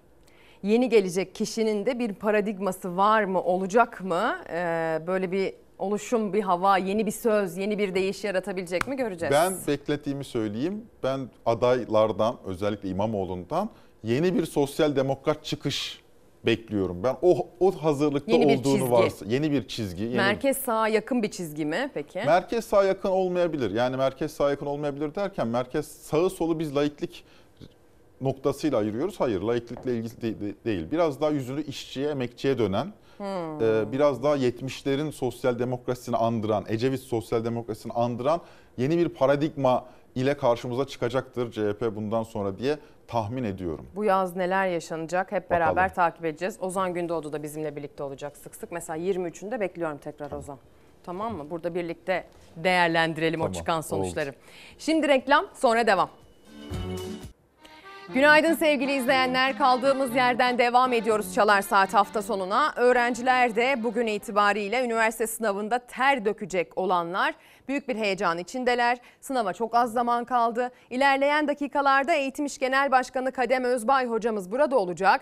Eğitim ve Bilim İş Görenleri Sendikası Genel Başkanı ve aynı zamanda matematik öğretmeni biliyorsunuz Kadem Hoca. Dolayısıyla bugün aslında YKS'yi sadece konuşmayacağız.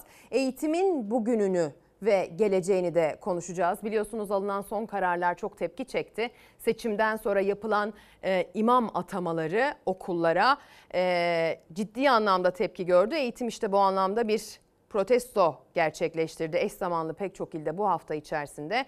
Konuyla ilgili hassasiyeti olanları birazdan ekran başına bekliyorum eğitimi konuşmak adına. Şimdi ise biraz CHP'deki değişimden bahsetmenin zamanı. Değişim vurgusu seçimin hemen ardından ve sonrasında sıkça olacak şekilde Ekrem İmamoğlu tarafından yapıldı. Bu değişim vurgusu yapıla gelirken aslında parti içinde başka isimlerin de öne çıktığını gördük sevgili izleyenler.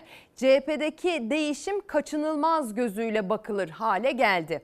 Seçimden sonra gerek CHP'yi gerek Kemal Kılıçdaroğlu'nu gerek kendisinin aday olma ısrarını eleştirenler de çokça e, ses yükselttiler. Ama Kemal Kılıçdaroğlu'nun adaylığını savunanlar da bir o kadar fazla olduğu görülüyor yapılan yorumlardan. Ancak bir değişim süreci sanki kaçınılmaz olarak başlamış gibi. Bugün itibariyle Sözcü gazetesi ilk sayfasından manşette değil ama ilk sayfada genişçe bu değişimi ele alıyor. CHP'de değişim diyaloğu. Yazarımız İsmail Saymaz Kılıçdaroğlu ve İmamoğlu'nun ne konuştuğunu yazdı diyor. Başkan olmak mı istiyorsun? Kemal Kılıçdaroğlu'nun sorusu. Evet asıl değişim istiyorum. İBB Başkanı Ekrem İmamoğlu'nun cevabı.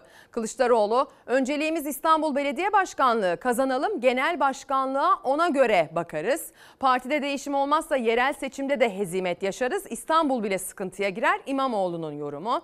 Ne düşünüyorsun? Yol haritası hazırlayacağım. Tamam hazırla getir. Peki bitince getireceğim şeklindeki diyalog bugün İsmail Saymaz'ın köşesinden çıkmış. Sözcü gazetesinin ilk sayfasında kendine genişçe yer bulmuş.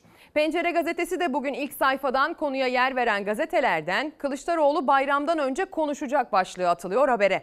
CHP'deki değişim tartışmalarını başlatan İBB Başkanı Ekrem İmamoğlu, Kılıçdaroğlu'yla yaptığı üçüncü görüşmeye ilişkin konuştu. Değişimin parametrelerine ilişkin kendi görüşlerini aktardığını söyledi. CHP liderinden değişim tartışmalarıyla ilgili e, bayramdan önce açıklama beklediğini söyleyen Ekrem İmamoğlu kendisinin de bu açıklamadan sonra daha net konuşabileceğinin sinyalini verdi. İBB Başkanı benim de bireysel olarak kamuoyunu bilgilendireceğim taraflar olabilecektir ifadelerini kullandı. Aslında İmamoğlu'nun yaptığı o konuşmanın şifrelerine bakıldığında Kılıçdaroğlu'nu bu anlamda açıklama yapmaya teşvik mi etti? Açıklama yapmaya mecbur mu bıraktı gibi sorular da yükseldi. İsterseniz sarf edilen sözleri kendi kulaklarımızla duyalım ona göre yorumlayalım. Cumhuriyet Halk Partisi ittifaka liderlik ettiği gibi bugün de değişime ve dönüşüme liderlik etmek, öncü hareketleri, hamleleri yapmak zorundadır. O adresin ana noktası da elbette ki benim çok kıymetli Genel Başkanım Sayın Kemal Kılıçdaroğlu'dur. Ankara'daki baş başa zirveden 3 gün sonra sessizliği Ekrem İmamoğlu bozdu. Yine değişim vurgusu vardı sözlerinde. Değişimi gerçekleştirecek kişi Kemal Kılıçdaroğlu dedi. Ortak akıl vurgusu da yaptı. Başta Genel Başkanımız, Cumhurbaşkanı adayımız Sayın Kemal Kılıçdaroğlu olmak üzere her birimizin şapkamızı önümüze koyacağız, oturacağız, düşüneceğiz. Ortak akılla doğru kararlar alacağız. Hiçbir zaman, hiçbir zaman değişimin önünü tıkayan bir kişi değil, değişimin önünü sonuna kadar açacağım. Sonuna kadar. Kurultayı yerel seçim sonrasında yapma fikri ağır basıyor CHP'de. Çünkü yerel seçim öncesi yapılacak bir kurultayda Ekrem İmamoğlu'nun genel başkan adaylığı İBB başkanlığını bırakması demek. Kılıçdaroğlu'nun İmamoğlu'na Yerel seçimde İBB başkanlığı için aday ol, belediye meclisindeki çoğunluğu kazanırız. Sonrasında yapılacak kurultayda genel başkan adayı olabilirsin. Yerine de bir CHP'li üye vekalet eder dediği kulislere yansıdı. CHP Genel Başkan Yardımcısı Bülent Kuşoğlu da İmamoğlu ile ilgili çarpıcı bir açıklama yaptı. Adını koyalım. Adaylık için en fazla adı geçen kişi Ekrem Bey. Ekrem Bey için bugün bir mahkeme süreci söz konusu. Genel başkan olabilir mi rahatlıkla? Olamaz. Sıkıntısı var. İstanbul Büyükşehir Belediye Başkanlığı için aday olabilir mi? sıkıntısı var. Ben rasyonel bir insanım. Her konuda hesap kitap yaparım, matematik yaparım. Şu anda yapılan hamleler toplum için yeterli gelmediğini biliyoruz. Pozitif anlamda uzlaşı sonucu toparlanan bir buluşmayı yaptık. Kaptan olarak gemiyi limana sağlam götüreceğimi herkes bilsin. Değişim ve dönüşümün içeriği oldukça geniştir. Nasıl olması gerektiği konusunda genel başkanımızın bayram öncesi yapabileceği bazı aktarımlar e, sonrasında benim de kamuoyunu bilgilendireceğim tarafları olabilecektir. Bugün için bir adaylık ilanım yoktur. Gerektiği yerde sorumluluk almaktan ve eğer gerekiyorsa fedakarlık yapmaktan kesinlikle kaçınmayacağım. CHP Grup Başkanı Özgür Özel de sürece göre adaylık konusundaki tavrını belirleyeceğini söyledi. Gözler bir yandan da Kılıçdaroğlu'nun yeni baş danışman kadrosuna çevrildi. Çünkü CHP lideri aralarında Erdoğan Toprak, Tuncay Özkan, Hacer Fogo, Jeremy Rifkin, eski Ülke Ocakları Başkanı Ramazan Kubat'ın da olduğu tüm danışman ve baş danışmanlarının görevine son verdi. İmamoğlu'ndan devam edeceğiz aslına bakarsanız haberleri aktarmaya. Tartışmalı bir Fatih tablosu vardı hatırlayacaksınız. Ee, onunla ilgili Fatih Sultan Mehmet'in portresiyle ilgili e, sürece de bakacağız. Fatih Sultan Mehmet'in poz vererek yaptırdığı bir madalyon 542 yıl sonra evine geri döndü. İBB eliyle bu dönüş sağlandı. Bakın o dönüş nasıl gerçekleşti? İmamoğlu bununla ilgili hangi açıklamaları yaptı? Madalyonu e, İstanbul'a e, sahibinin e, evine getirmiş olduk. Fatih Sultan Mehmet'in poz vererek yaptırdığı madalyon 542 yıl sonra evinde. İstanbul Büyükşehir Belediyesi Londra'daki bir müzayededen satın alarak İstanbul'a getirdiği Fatih Sultan Mehmet madalyonunu Panorama 1453 Tarih Müzesi'nde sergilemeye başladı. Costanza de Ferrara'nın yaptığı bu madalyon e, Fatih'in madalyon geleneği içerisinde elimizdeki 9 madalyondan birisi. Daha önce Fatih Sultan Mehmet'in İtalya gezisi sırasında 1480 yılında ünlü ressam Bellini'nin atölyesinde yapılan tablosu alınıp getirilmişti. Tablodan sonra Fatih'e ait bir başka eser de Londra'dan İstanbul Büyükşehir Belediyesi tarafından satın alındı. Madalyonu ziyarete açan İstanbul Büyükşehir Belediye Başkanı Ekrem İmamoğlu, Fatih Sultan Mehmet her yönüyle ele alınması gereken bir insan dedi. Türk tarihi için muazzam bir komutan, bir lider, Ee, İstanbul'un fethini bize yaşatan 21 yaşındaki tarihe parmak basmış, iz bırakmış genç bir lider aynı zamanda. E, Türkiye e, çok uzun yıllar e, kendi tarihinin de e, içinde olduğu Rönesans döneminden eserleri ne yazık ki Türkiye'ye kazandıramamıştı. Bu e, madalyonla beraber ikinci Rönesans eserini de İstanbul'a e, kazandırmış olduğumuz başkanım. Çok nadide özel bir eser. Daha önce de Fatih Sultan Mehmet'e ait Bellini'nin eserini getirdiği için Türkiye'ye satın aldığı için İçişleri Bakanlığı tarafından soruşturulmuştu. Yanlış hatırlamıyorsam iki defa soruşturulmuştu Ekrem İmamoğlu. Bu da madalyon açılımı olmuş oldu yine Fatih Sultan Mehmet ismine ait. Şimdi isterseniz az evvel Ozan Gündoğdu'yla da biraz konuştuk. Abdülatif Şener meselesine bir bakalım. CHP'nin son dönem politikasına dair aslında atılmış en büyük gollerden biri olarak evet gerçekten yorumlanabilir.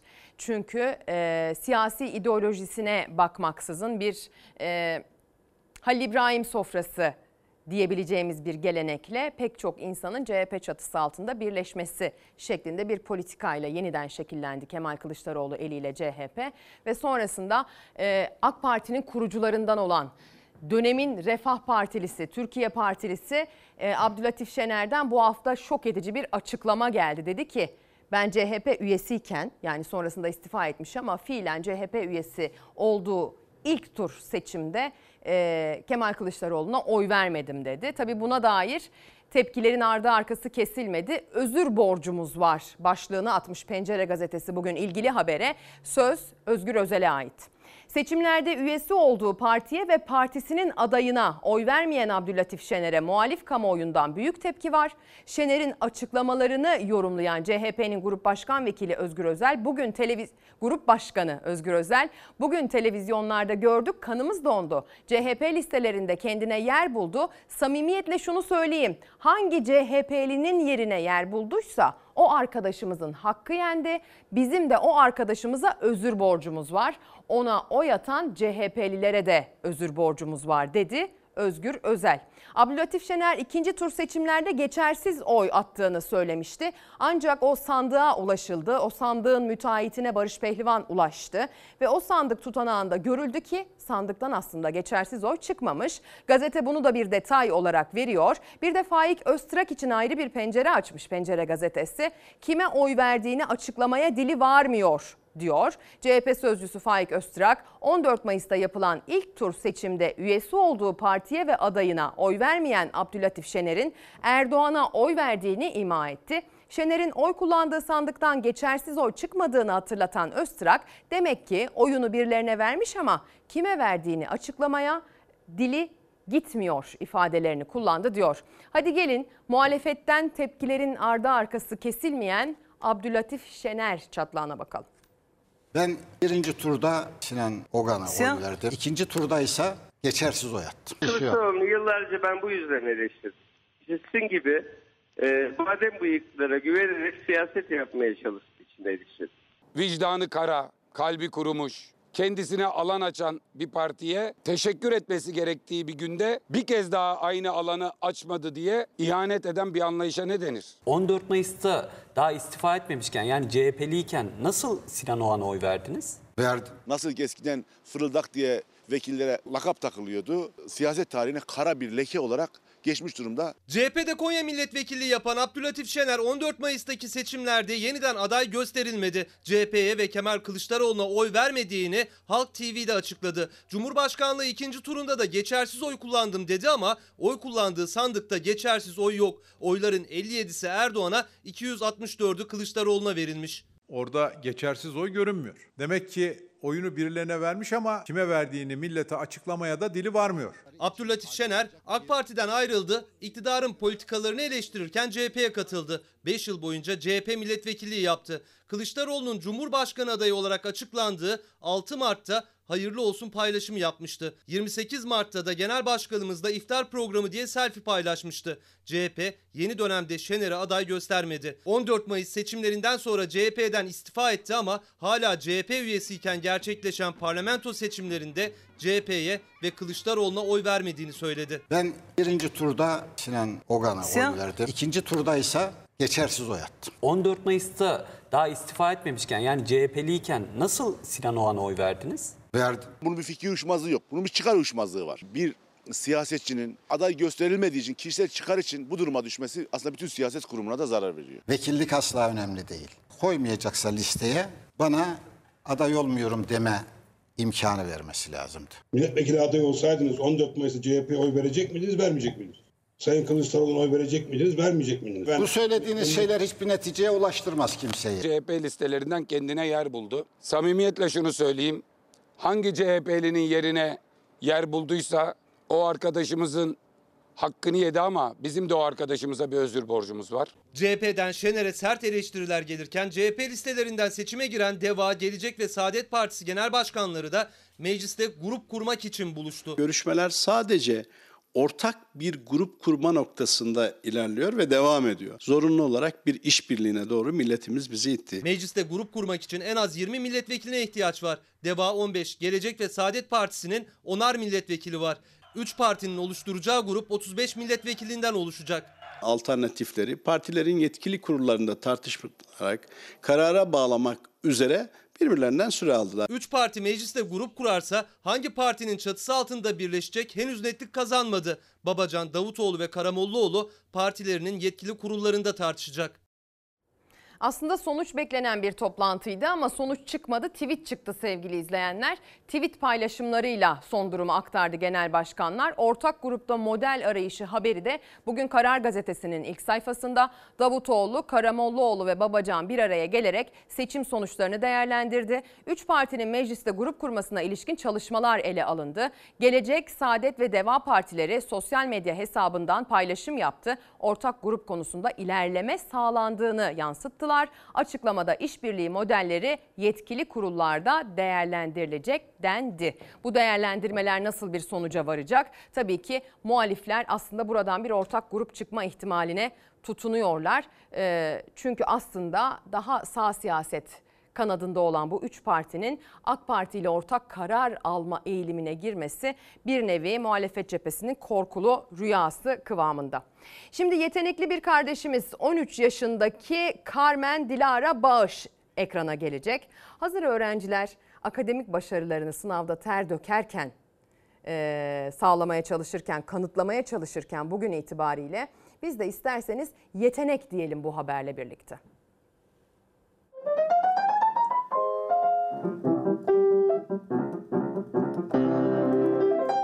Yurt dışında 12-13 tane yarışmaya girdim. Hepsinden ödül aldım. İlkokula 3. sınıftan başladı. 8 yaşında Mimar Sinan Üniversitesi Konservatuar bölümüne kabul edildi. Carmen Dilara Bağış 13 yaşında yurt içinde ve yurt dışında sayısız ödül kazandı. Carmen küçükken ben onu çeşitli kurslara götürdüm. Satranç kursuna gittik, e, folklor kursuna gittik, piyano kursuna başladık. Ama en sonunda sadece piyanoyu tercih ettim. Konser piyanisti olmak istiyorum. Ben onu kendi istediği yerde olmasını istiyorum. Annesi evde piyano çalarken fark etti Carmen'in müziğe olan ilgisini. Ee, bizim evimizde bir dijital piyano vardı. Annem öylesine hobi amaçlı aldığı bir piyano. Ee, ben küçükken annem oradaki dijital piyanolarda olan e, müzikleri açıyormuş. Ben de ağlıyor, ağlıyorken hemen ağlamayı kesiyormuşum. Zaten yaşıtlarından hep ilerideydi Carmen. Piyano çalmaya da ilk olarak belediyenin müzik kursunda başladı. Oradaki öğretmenim e, kulağımın iyi olduğunu söyledi ve Mimar Sinan Üniversitesi'nin yarı zaman e, konservatuarına başvurabileceğimizi söyledi. 8 yaşında sınava girdi ve kabul edildi. Mimar Sinan Üniversitesi'nde yarı zamanlı konservatuar dersleri almaya başladı önce. İkinci yılsa eğitimine tam zamanlı devam etti ve yeteneğini geliştirdikçe yarışmalar, ödüller, birincilikler peş peşe geldi. 4 yılda yurt içinde ve yurt dışında 35 yarışmaya katıldı. Evde çalışmakla sahnede çalmak çok farklı şeyler. E, sahnede piyano çalarken e, çalışmak gibi olmuyor. Yani sahnedeyken sizi dinleyen çok fazla kişi var ve onlara müziğinize ulaştırmak zorundasınız. Aynı zamanda zor bir şey. Fazıl Say ve Gülsonay, İdil Biret gibi isimlerle tabii ki sahnede aynı sahnede olmak isterim. Ee, ayrıca onlarla tabii ki çalışmak isterim. Ee, tabii ki yurt dışındaki çok iyi piyanistlerle de aynı sahnede olmak isterim. Carmen Dilara Bağış aynı sahnede olma hayali kurduğu Fazıl Say'la da Bodrum'da bir konserde tanıştı. Say küçük kıza yurt dışındaki okulların sınavlarına girmesini tavsiye etti. Carmen o tavsiyeyi dinledi. Girdiği bütün sınavları kazandı. Eylül'den sonra eğitimine yurt dışında devam edecek. Ancak o da ailesi de buruk. Neden son aylarda sıkça yaşanan vize reddi. Bizim için zor olacak ama yani katlanacağız. Yani olarak ben okulun açılış günü bile gidemeyeceğim. Carmen'in sınavlara girebilmek için yaptığı vize başvuruları daha önce de reddedilmişti. Bu kez o vize alabildi. Ancak kızının ilk okul gününde yanında olmak isteyen annesi reddedildi. Bir anne için yani okulun ilk günü çocuğunun yanında olamamak hoş bir durum değil açıkçası.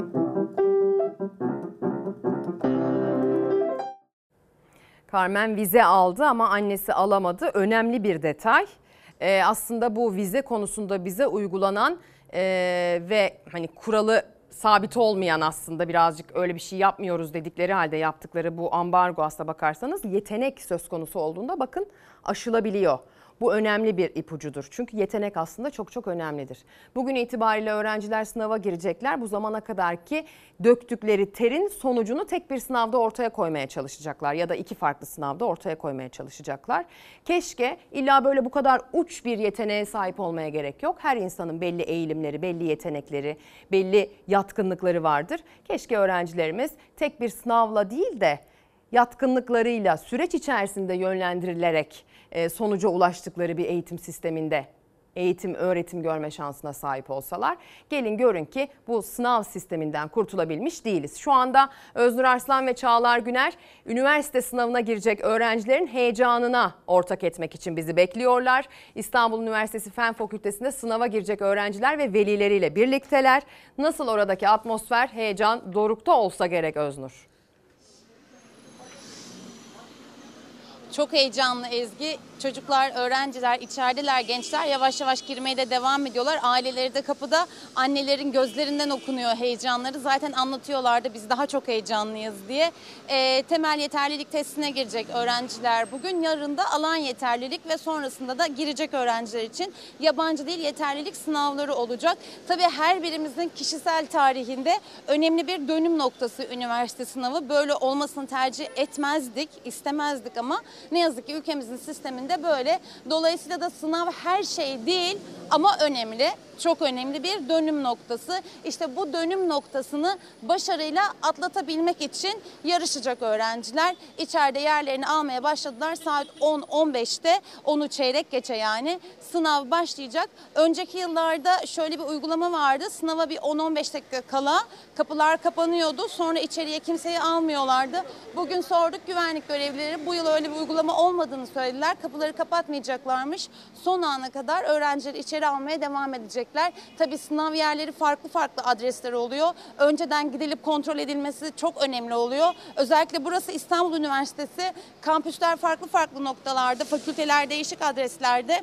Öyle olunca da tabii e, gelip önceden bakılmadıysa bir sıkıntı yaratıyor. Şimdi kapıda güvenlik görevlileri öğrencileri yönlendiriyorlar çeşitli fakültelere. Çok da az bir vakit kaldığı için aslında sıkıntı çok büyük. Diğer taraftan bakın burada veliler hazır bekliyor. Hanımefendiye sorayım efendim. Hayırlı olsun diyelim şimdiden. Nasılsınız? Valla çok kötüyüm. Kızdan daha kötüyümdür yani. Niye bu kadar kötüsünüz? Bilmiyorum strese giriyoruz. Daha geçen sene de girdi. istediğini alamadı. Bu sene de dur bakalım ne yapacağız. Allah gönlünce versin. Çok çalıştı. Aynen çok çalıştı. Mücadele etti. Allah çalıştığının emeğini versin diyorum. O yüzden. Peki inşallah hepsi için geçerli. Aynen öyle. Bütün çocuklarımız için geçerli bu tabii ki. Allah zihin açıklığı versin hepsine. Evet önemli bir sınav demiştim aileler de çok heyecanlı diye annemiz de çok heyecanlı kızını bekliyor dışarıda. Çağlar'la beraber biraz ilerleyelim size şurayı göstermek istiyorum. Tabii herkes yanında birileriyle gelemiyor olan işte e, durumu iyi olamayan, işte yanında getirebileceği kimsesi olmayan insanlar da var. Düzgün seçmeye çalışıyorum bu konudaki kelimelerimi.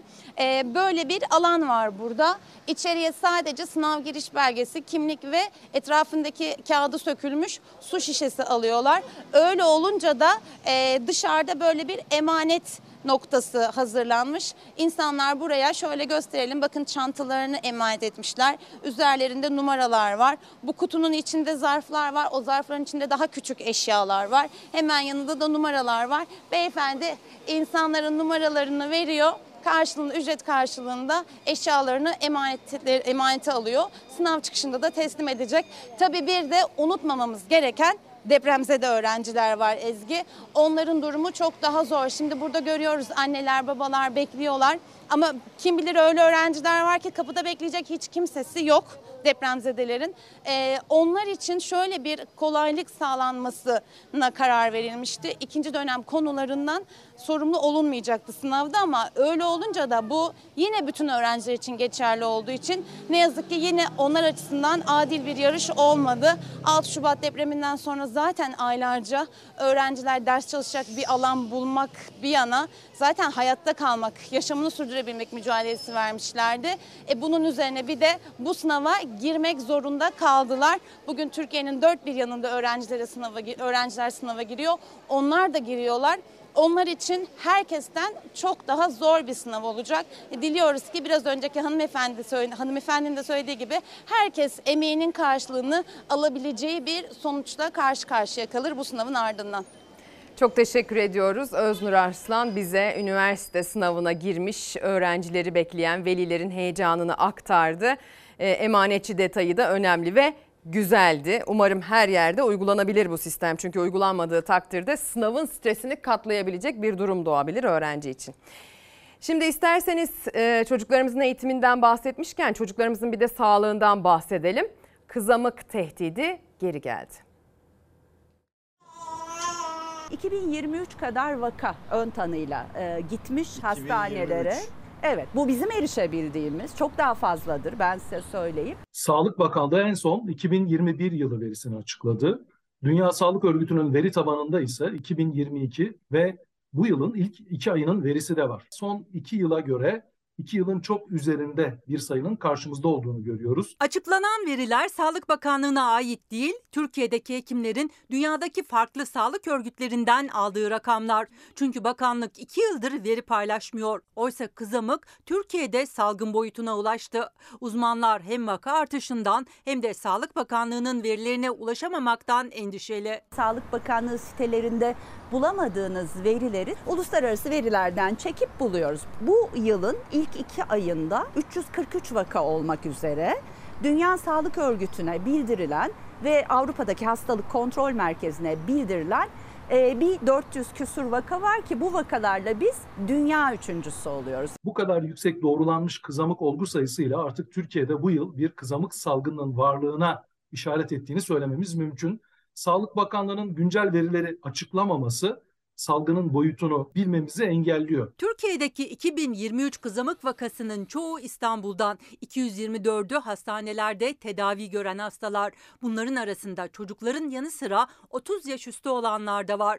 CHP Bursa Milletvekili ve Türk Tabipleri Birliği üyesi Profesör Doktor Kayıhan Pala kızamık vakalarıyla ilgili bakanlığa soru önergesi verdi. Bütün bu verileri açıklama çağrısında bulundum. Şu andaki veriler Türkiye'nin Dünya Sağlık Örgütü Avrupa bölgesinde kızamık vaka sayılarının en yüksek görüldüğü ülkelerden birisi olduğunu gösteriyor. Bir yaş altı kızamık olup yatan vakaların hiçbirisi aşılı değil. Bir. 1 ve 4 yaş arası olup yatan vakaların ya da kızamık olan vakaların ancak %50'si tek doz aşılı. Enfeksiyon hastalıkları uzmanı Profesör Doktor Esin Davutoğlu Şenol Çalar Saat'te İlker Karagöz'ün konuğu oldu. 15 ve 30 yaş üstü kızamık olan ve hastaneye yatan vakaların da çoğunun aşısız ya da tek doz aşılı olduğunu açıkladı. Hem CHP'li vekil Pala hem de Şenol tehlikeye karşı uyardı, Sağlık Bakanlığı'na çağrı yaptı. Hem kızamık olgu sayılarının artması hem de aşısız çocukların hayatlarını kaybetmeleri gibi bir risk karşımızda durabilir. Bunlardan endişe duyduğumuz için Sağlık Bakanlığı'nı göreve davet ediyoruz. İlk alınması gereken tedbir Sağlık Bakanlığı'nın çıkıp dürüst, net ve gerçek bir açıklama yapması. Şimdi eğitim konusuna geri dönüyoruz. Az evvel reklam dönüşü anonsunu yapmıştım. Kadem Hoca bizlerle birlikte olacak diye. Kendisi e, eğitim iş Genel Başkanı Kadem Özbay aynı zamanda matematik öğretmeni, eğitim ve bilim işgörenleri sendikası diye de özellikle vurgulamak istiyorum. Açılımına hoş geldiniz hocam. Hoş bulduk. Az evvel bir bağlantı gerçekleştirdik. İzleme şansınız oldu mu bilmiyorum. Öğrenciler sınavda ter dökmeye başladılar. Hemen öncesinde başka bir haber verdik. Bir yetenekli öğrencinin şanslı ailesi tarafından desteklenen bir uç yeteneğin müzikal anlamda aldığı başarıyı da aktardık. Tabii gönül istiyor ki öğrencilerimiz yeteneklerine göre, eğilimlerine göre, yatkınlıklarına göre illa çok uç yeteneklere sahip olmak zorunda değiller öyle değil mi? Evet. Süreç içerisinde keşke yönlendirilseler hayatlarını hangi meslekten kazanacaklarına. Ama gelin görün ki bir sınav garabeti üzerimize çöktü. Yıllardır o çöken garabeti kaldıramıyoruz. Evet. Ki onun üzerine aslında başka tartışacağımız konular da var. Eğitim iş bu hafta içerisinde pek çok farklı noktada eş zamanlı bir eylem gerçekleştirdi. Aslında eğitimin ana konusu galiba seçimden sonra yapılan atamalarla ilgili değil mi hocam? Evet. Yani eğitimi konuşacağız. Geleceğe uzanan köprüyü. Bu köprü Cumhuriyet Köprüsü'ydü ve ülkenin her bir çocuğuna geleceğe umutla taşınacağı umudunu veriyordu. Ancak şu anda bu köprüden herkesin geçemediğini, ayrıcalıklı bir kesimin geçebildiğini, biraz yandaş garantili hale dönüştüğünü görüyoruz maalesef ki. Eğitimin o asıl köprünün ayaklarını nasıl tarif edildiğini, eğitimin bu ülkede nasıl ayrıcalık haline gel- geldiğini, bu ülkenin geleceğini hazırlayacak olan eğitim emekçilerinin adeta bir tükenmişliğin içerisinde terk edildiğini hem mesleki itibar anlamında hem de ekonomik anlamda. Bunu konuşacağız. Ancak dün e, bir şube başkanımızı Evet. bir eğitim çalışması esnasında kaybettik. Ben de Başınız yolda öğrendim. sağ olsun. Ben bunun için size ayrıca teşekkür etmek istiyorum. Biz Kadem Hoca ile hafta başında sözleştik. Çünkü onların eylem takvimi de belli olmuştu. Okullar kapanıyor, üniversite sınavı var. Hocam buyurun gelin yayın yapalım dedim. Tamam dedi ama sonrasında bir kayıp yaşandı. Evet. Buna rağmen geldiniz. Ayrıca teşekkür ediyorum. Ben teşekkür ederim. Adana İkinoğlu Şube Başkanımız Emin Erkan Şenol, tüm ailesine, eğitim camiasına, Başınız öğrencilerine başsağlığı ve sabırlar diliyorum. Nurlar Ruhu şad olsun. yatsın. Evet yani eğitimin gerçekten e, sorunları her geçen gün daha da artıyor. Artık yalnızca eğitimin adı var ama kendisi yok tablosundayız. Dediğiniz gibi bugün çocuklarımız sınavlara giriyor ama adaletsiz bir sistemin içerisinde. Eğitim dediğimiz şey artık yalnızca sınav için yapılan bir şey haline geldi. Yani eğitim sınav için var. O sınav da aslında çocukların o çok yönlü gelişimini yok sayan bir sınav.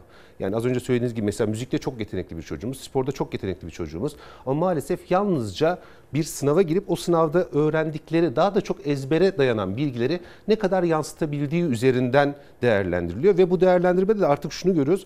Ülkede üniversiteli gençlerin, diplomalı gençlerin büyük bir çoğunluğunda da işsizlikle baş başa bırakıldığını görüyoruz. Yani yalnızca üniversiteyi kazanmaları da yetmiyor. Ondan sonra da yine Türkiye'de istihdam anlamında bir sorun onları bekliyor. Maalesef ki eğitim bireyin gelişimi, toplumun gelişimi için değil, yalnızca sınava hazırlayan, o sınava da ne kadar hazırladığı sınav sonuçlarından görüyoruz. Tam bir adaletsizliğin içerisindeyiz maalesef ki. Peki bu atamalarla ilgili ne söyleyeceksiniz hocam? Yani okullara e, atanan e, din görevlileri neden atanıyorlar?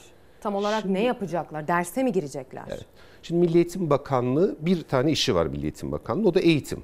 Ama görüyoruz ki Milli Eğitim Bakanlığı o tek işini yapamıyor. Sürekli başka kurumlara, yapılara bunu devretme gereği duyuyor. İşinizi yapamıyorsanız orada ne yapıyorsunuz? Cumhuriyetin size bir emaneti var. Bu ülkenin çocuklarının eğitimini sağlamak, geleceğe umutla onları hazırlamak. Geçtiğimiz günlerde de şunu gördük. Aslında çok daha önce imzalanan protokollerdi bunlar. ÇEDES adı altında Diyanet de gençlik sporunun içerisine dahil edildi. Gençlik sporunda olduğuna bakmayın yalnızca SOS olarak orada var. Bir protokol imzalandı. Bu protokol kapsamında seçimden hemen sonra öncelikle İzmir'de her üç okuldan birine din görevlisi atandı. Peki ne anlamda atanıyor bunlar? Değerler eğitimi. Nedir değerler eğitimi? Aslında öğretmenin vereceği şeyler. Bu öğretmenin mesleğine de bir hakaret. Yani sen bunu yapamıyorsun, ben dışarıdan din görevlisine bunu yaptıracağım demek. Ama buna baktığımızda birincisi hukuksuz. Anayasamıza, eğitimle ilgili yasalara zaten aykırı. Layık ve bilimsel eğitimde taban tabana zıt. Bunun yanında da pedagoji bilimini adeta katletmek demek. Neden? Çünkü öğretmenlerin bir ehliyeti var. Bu ehliyet nedir? Çocuklara nasıl yaklaşacağını bilerek öğretmenler yetiştirildi. Siz eğer çocuklara nasıl yaklaşacağını bilmeyen yetişkinleri oraya sokarsanız ileride büyük travmaların sorumlusu olursunuz. Bu travmalar bir bakarsınız ki o insan bir gün bir yere gelmiş, dünyanın kabul ettiği sanat eserini ucube der. Bir bakarsınız ki yanındakini öteki sayar, yanındakine hakaret eder. O nedenle değerler eğitimini zaten verecek öğretmenlerimiz vardır. Toplumda şöyle bir algı var. Diyanet olunca hani dinle acaba bir karşıtlık mı? Bakın bugün ülkemizin tamamında her okulda din kültürü öğretmeni de var. Zaten yani var. meselenin bu olmadığını da herkes anlaması lazım. Örneğin mesela bugün ilkokullarda beden eğitimi öğretmeni yok. Resim öğretmeni yok. Çocuğun farklı yönlerden gelişimini sağlayacak öğretmenler yok ama mesela din kültürü öğretmeni var. Yani mesele bu da değil. Mesele En çok eksik sanat ve sporda var ama Kesinlikle. din kültürü öğretmeni konusunda hiçbir eksiğimiz yok. Belli ki Yok. fazlamız var hocam. Fazlamız da var. İşte eğitimin ne için olduğunu anlarsanız olur. Yani eğitimin yalnızca bir dört duvar arasında çocuklara bilgilerin ezberletildiği, ondan sonra sınav için eğitim haline getirirseniz oradan yalnızca ayrıcalıklı bir kesimin geçip o sınav başarısı performansına göre bir şey olmasını amaçlarsanız, yani eğitimin bireyin rehabilitasyonu, toplumsal rehabilitasyon olduğunu yok sayarsanız, bireyin çok yönlü gelişimini yok sayarsanız, bireyi yaşama hazırlarken ruhsal iyiliğini yok sayarsanız eğitimden anlamıyorsunuz demektir. Asıl sorun da bu ülkede liyakatsızlık bence. Çünkü eğitimden anlamayanlar eğitimi yönetmeye çalışıyorlar. Ondaki tabloda da görüyoruz ki bu ülkede eğitim yalnızca parası olanların kendi çocuklarına sağlayabildiği bir ayrıcalık haline dönüştü maalesef. O cumhuriyetin her bir çocuğun kulağına fısıldadığı bu ülkede bir gün eğitim aracılığı her şey olabilirsin umudunun maalesef ki her geçen gün tüketildiğini görüyoruz. Peki bu din görevlileri atandıkları okullarda derse girmeyeceklerse ne yapacaklar? Şimdi buradan şunun altını çizmemiz lazım. Birincisi okul yöneticilerini uyarıyorum. Bakın okuldaki her şeyden onlar sorumlular. Bu projelerin, protokollerin tamamı gönüllülük esaslı olmak zorundadır. Asla kimseyi zorlayamazlar. O nedenle okul yöneticileri öyle kafalarına göre alanları bu e, kurumlara, yapılara açamazlar. Öğretmenleri uyarıyorum. Dersten alamazlar zaten. Asla ve asla dersten çocukları bırakmayacaksınız. İşte böyle bir protokol var. Şu ders saati asla izin vermeyeceksiniz. Bu bir suçtur. Çocuğun eğitim hakkının gaspıdır. Aynı zamanda öğretmenlerin şöyle bir görevi de vardır. Çocuğun ders dışında da neler yaptığını, ne durumda olduğunu takip etmesi lazım. Takip etmelerini istiyoruz ve bir sorunla karşılaştığında eğitim iş burada onların yanında. Velilerimize özellikle sesleniyorum. Bu projeler asla zorunluluk esaslı olamaz. Tamamen gönüllülük esaslı. Velinin imzası olmadan hiçbir çocuk bu tarz protokollere dahil edilemez. Peki bakıyoruz neler yapacaklar? Adeta bir paralel milli eğitim müfredatı var. Yani medya okur yazarlığını bunlar anlatacakmış. Siber teknolojiyi bunlar anlatacakmış. Çevreyi bunlar anlatacakmış. Her şeyi anlatabilirler. Yani o kadar geniş bir çerçevesi var ki sınır yok. Her Yetkinliklerini şeyi kim denetliyor? Hiç kimse. Yani önemli olan şu zaten işte burada o nedenle liyakat diyorum. Şimdi öğretmenlerin bir ehliyeti var. Nedir o ehliyet? Çocuklara eğitim verme ehliyeti. Şimdi siz doktordan bir bina yapmasını ister misiniz? Ya da bir mimarın ameliyata girmesini ister misiniz? Ya da bir berberin size masa yapmasını ister misiniz? Ya da ehliyeti olmayan bir kişinin arabasıyla seyahate çıkar mısınız? Pilot değilse otobüs şoförünün kullandığı uçağa biner misiniz? Bakın bu aynı zamanda öğretmenlik mesleğine bir hakarettir. Öğretmenler zaten eğitimleri gereği ne için? Çocuklara geleceğe hazırlamak için eğitilmiş insanlar ve nasıl yaklaşacağını bilen insanlar. Siz eğer çocuklara nasıl yaklaşacağını bilmeyen yetişkinleri onların olduğu ortamlara sokarsanız yarın çok büyük travmaların sebebi olursunuz. Bakın ben matematik öğretmeniyim. Hı hı. Ben gidip de okul öncesinde ders anlatırım hadsizliğini yapmam. Ya da gidip de edebiyat dersini ben anlatırım. Çünkü benim branşım matematiği anlatmak. Ama burada bakın öğretmen olmayan, eğitimci olmayan, eğitim biliminden, pedagojiden bir haber yetişkinler okullara sokulmak isteniyor ya da çocuklarımızın okulların dışında onlar da zaman geçirmesi isteniyor. Bu ülkede 1 milyon kamuda çalışan öğretmen var. Her yıl 100 bin asgari ücretin altında ücretli öğretmen var. 1 milyon atanmamış öğretmen var. O konuya da geleceğiz. Öğretmenlerin hem atanmamasıyla ilgili hani atanamayan öğretmen artık asla Evet, demiyoruz ya. atanmayan öğretmen. Atanmayan öğretmenler, atamaya dair beklentiler, ücretlendirilmeleri, memur maaşına dair beklentiler bunların hepsini konuşacağız. Ekran başındaki öğretmenlerimi saygıyla, rica ile ekran başında kalmaya davet ediyorum. Biz şimdi Kadem Hoca ile kısa bir reklam mecburiyetine gideceğiz. Sonrasında eğitim başlığı üzerinde kalmaya devam edeceğiz. Kadem Özbay'la e, kıymetli hocamızla yayınımıza kaldığımız yerden devam ediyoruz. Bu son dönem yapılan atamaları ve eğitimin aslında yüzünü döndüğü cepheyi biraz konuştuk. Şimdi biraz da öğretmenler, eğitimciler açısından duruma bakmak lazım. Öncelikle bir yığın haline gelen ve katlanarak sayıları artan ataması yapılmayan öğretmenler konusunu konuşacağız ve sonrasında da diyelim ki atandınız, Sonrasında takdiri ne ölçüde yapılıyor ona birazcık bakacağız. Şimdi isterseniz Cumhurbaşkanı Erdoğan'ın dün itibariyle öğretmen atamalarına yönelik sarf ettiği son sözleri bir duyalım. Kadem Hocam bize biraz yorumlasın. Geçen ay yaptığımız toplam 45 bin yeni öğretmen atamasıyla mevcut eğitim ordumuzu daha da güçlendirdik. 2002 yılında ülkemizde toplam 500 bin öğretmen varken son atamayla birlikte sadece bizim dönemimizde göreve başlayan öğretmen sayısı 800 bini buldu. İhtiyaç duyulan alanlarda öğretmen atamalarını sürdüreceğiz. Öğretmenlik mesleğinin itibarını artıracak, öğretmenlerimizin kariyerini geliştirecek projelerimizi yakında kamuoyuyla paylaşacağız. Yakında kamuoyuyla paylaşacağız. Öğretmen atamalarını sürdüreceğiz diyor Cumhurbaşkanı Erdoğan. Bu konudaki ihtiyaç nedir hocam? Bir de bir hazırladığınız grafik var konuyla ilgili.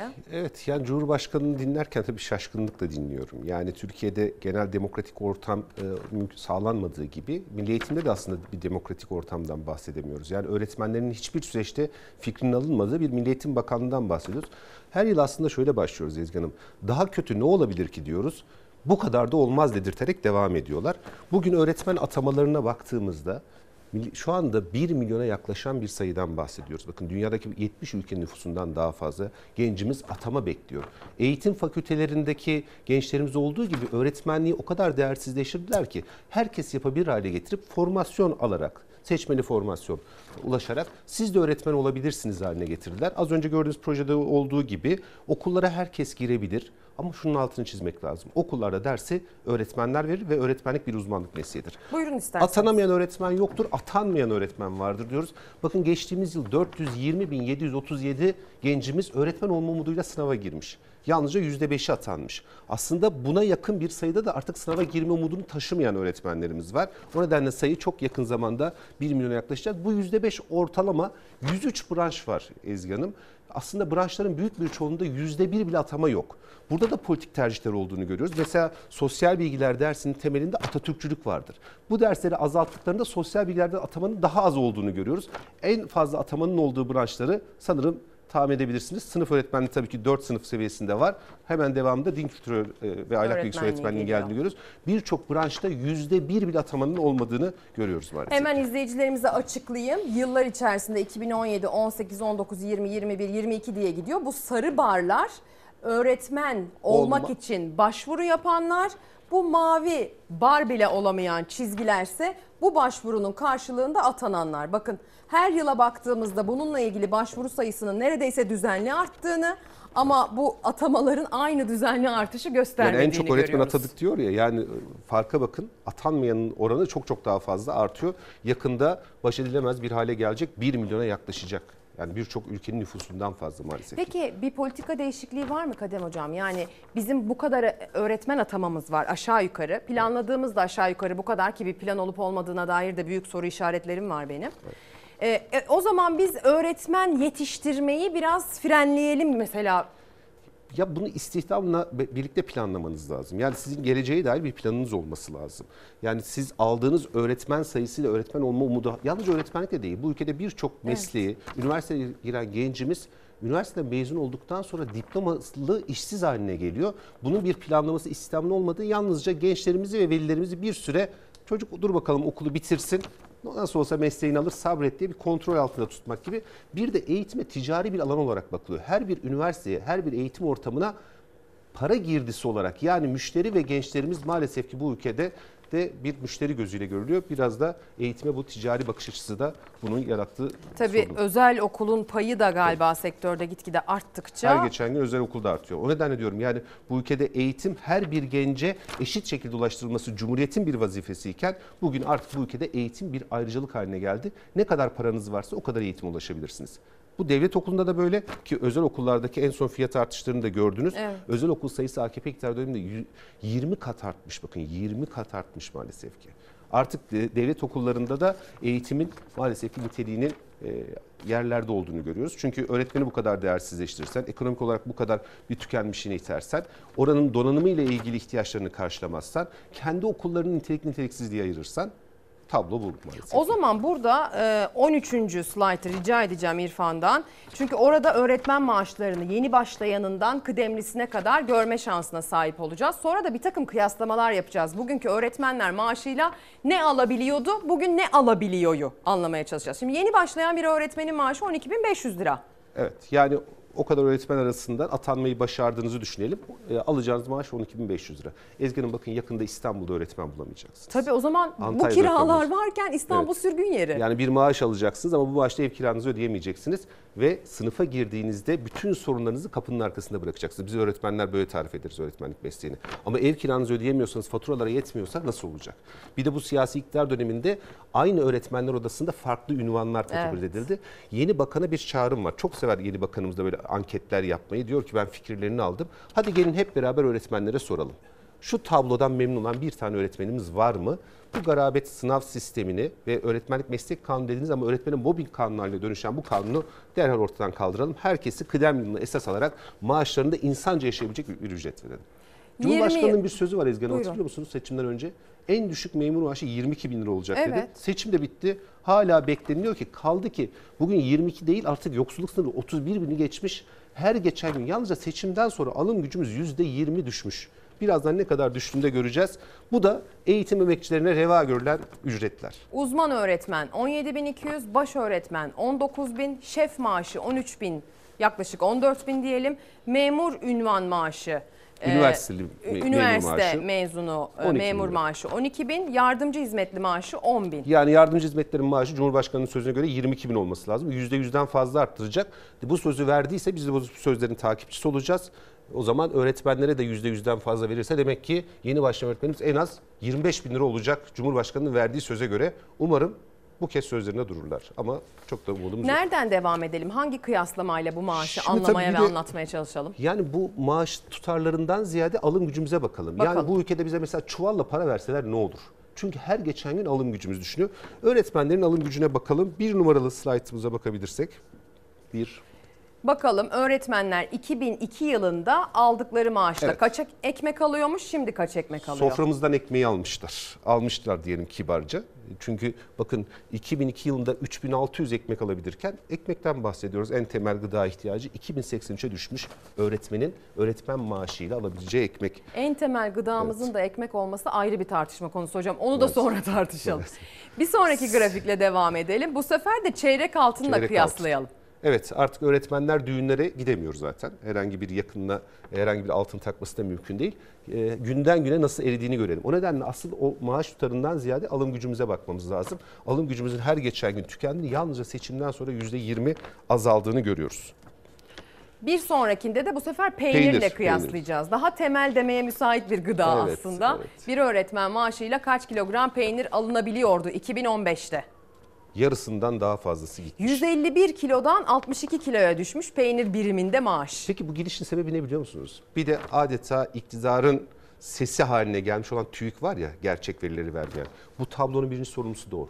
Hani diyor ya hep enflasyonu ezdirmeyeceğiz diye. En son hatırlayın doğalgaz müjdesi vardı.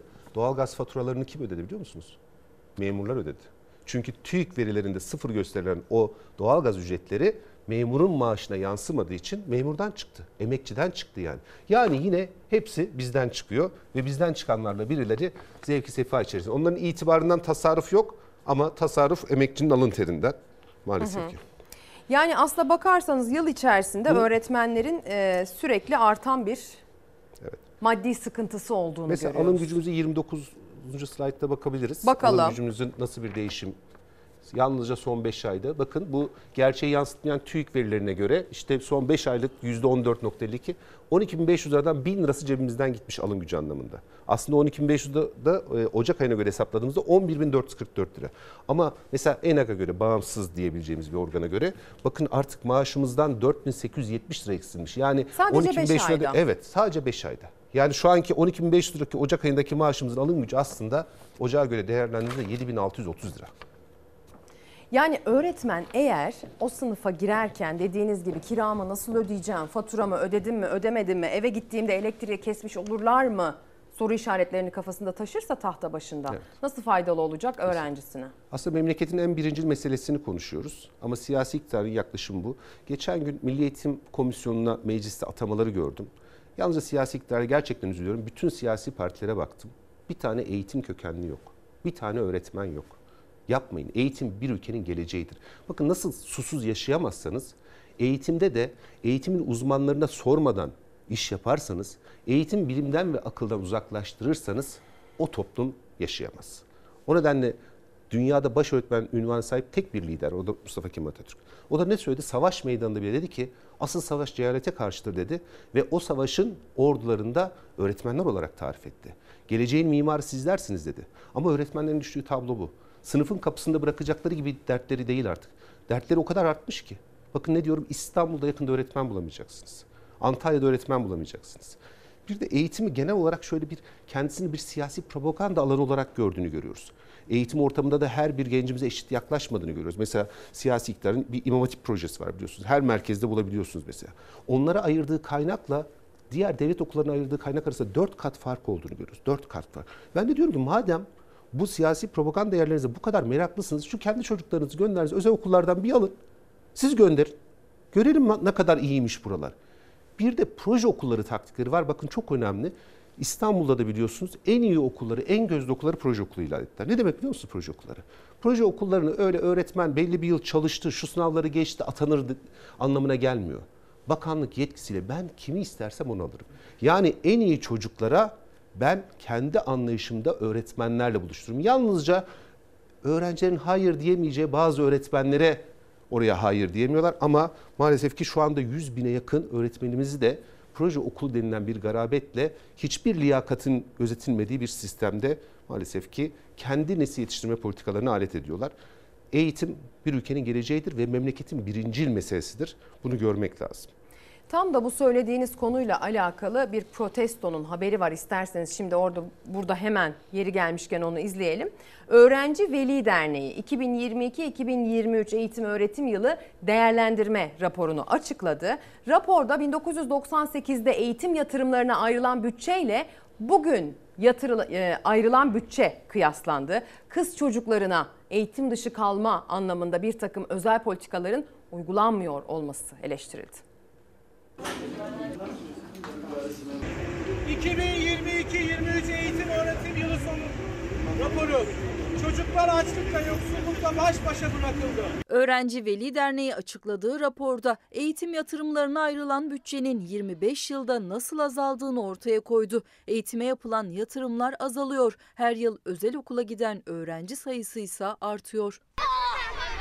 İstatistikler toplamda 1,5 milyon aşkın kız çocuğunun da eğitim sisteminin dışında bırakıldığını gösteriyor ve en az iki çocuktan biri açlığı, yoksulluğu yaşıyor. Eğitimde 4 artı 4 artı 4 uygulaması öncesinde Türkiye'de 4664 özel okul bulunmaktayken 2022 yılı itibariyle özel okul sayısı 14179'a toplam öğrenci sayısı ise yaklaşık 2,5 kat artarak 1 milyon 578 bin 233'e yükseldi. 4 artı 4 artı 4 uygulamasının başlamasından bu yana öğrenci artışına rağmen kamuya ait ilkokul sayısı 5697 azaldı ve lider öğretmen atamalarına da dikkat çekti. Öğretmenlerin mesleki hakları için bir an önce en az 100 bin öğretmen ataması acilen yapılmalıdır. Eğitim Sen, Eğitim İş ve Hürriyetçi Eğitim Sen üyeleri Eskişehir'de ortak açıklama yaptı. Proje okullarında keyfi uygulamaları eleştirerek liyakate göre atama yapılmasını talep ettiler. Milli Eğitim Bakanlığı proje okullarındaki keyfi uygulamalarından vazgeçmek yerine bu uygulamalardaki uygulamalardaki ısrarını sürdürmektedir. Yaşanan sorunlara, eleştirilere ve gelen tepkilere aldırmadan ben yaptım olduğu mantığıyla hareket eden Milli Bakanlığı yayınladığı son kılavuzda da proje okullarında izlediği politikadan farklı bir şey izlemeyeceğini ortaya koymuştur.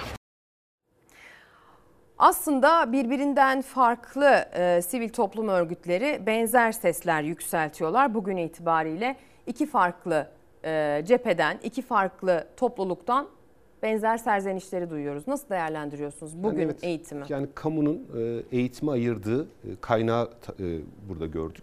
Kamunun eğitime ayrıldığı kaynağın her geçen gün azaldığını, eğitimin bu ülkede bir ayrıcalık haline geldiğini görüyoruz. Özel okulların sayısının art- arttığını, hatta devlet okullarında bile eğitime daha fazla ulaşabilmek için velilerimizin harcamalarının arttığını görüyoruz. OECD ülkeleriyle ortalamalar, ortalamalara baktığımızda 3 kat fark olduğunu görüyoruz. Yani Cumhuriyet kurulduğunda bu ülkedeki her bir çocuğun eğitim aracılığıyla her şey olabilme umudunun adeta tüketildiğini görüyoruz. Halkın çocuklarının kalabalık sınıflara, okullardaki maalesef ki birçok temel ihtiyaçtan yoksun bir şekilde kendi kaderlerine terk edildiğini görüyoruz.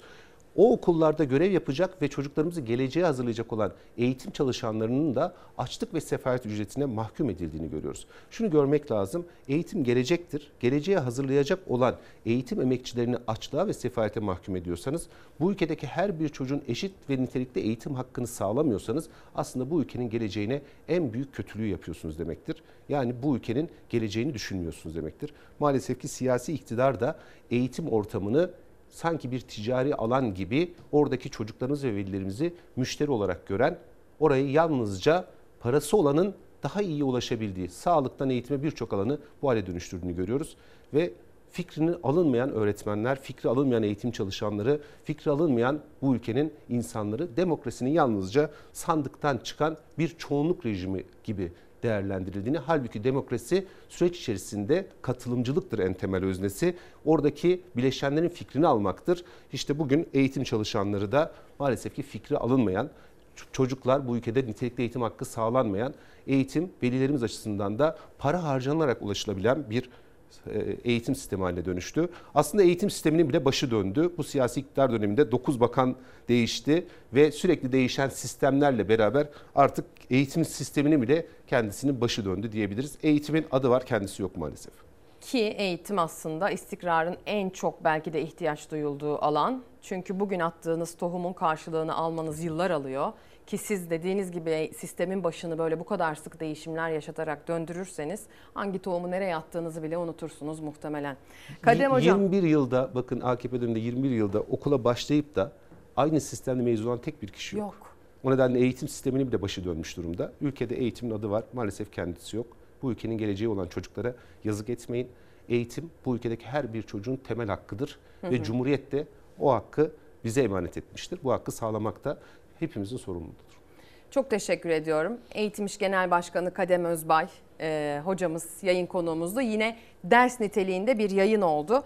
Gerek bu okullara yapılan din görevlisi atamalarını gerekse atanmayan öğretmenler meselesini değerlendirme fırsatımız oldu. Ayağınıza sağlık ve tekrar başınız sağ olsun sağ olun. hocam. Çok Sağ olun, teşekkür hepiniz ediyorum için. ayrıca katıldığınız için diyeyim. Ve başka bir haberle devam edeyim. Aslına bakarsanız eğitim alıyorsunuz hem de belki de bu alandaki en ağır eğitimi alıyorsunuz, doktor oluyorsunuz. Bakın şu anda üniversite sınavı var. Girdiğiniz üniversite sınavlarında en yüksek başarıyı elde ediyorsunuz bu mesleğe sahip olabilmek için doktor çıkıyorsunuz. Peki sonra başınıza ne geliyor?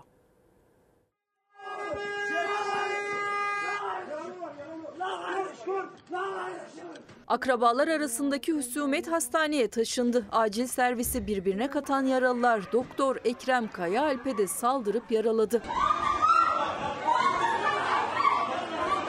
Samsun'da akrabalar arasında çıkan kavgada 7 kişi yaralandı. Yaralılar 5 farklı hastaneye kaldırıldı. Çarşamba Devlet Hastanesi'ne kaldırılan yaralılar saldırganlıklarını acil serviste de sürdürdü. Acil servisteki eşyalara zarar verdiler. Personele ve doktor Ekrem Kayaalp'e de saldırdılar. Olaya polis müdahale etti. Yaralı doktor ambulansla Samsun Eğitim ve Araştırma Hastanesi'ne sevk edildi. Tedavi altına alındı.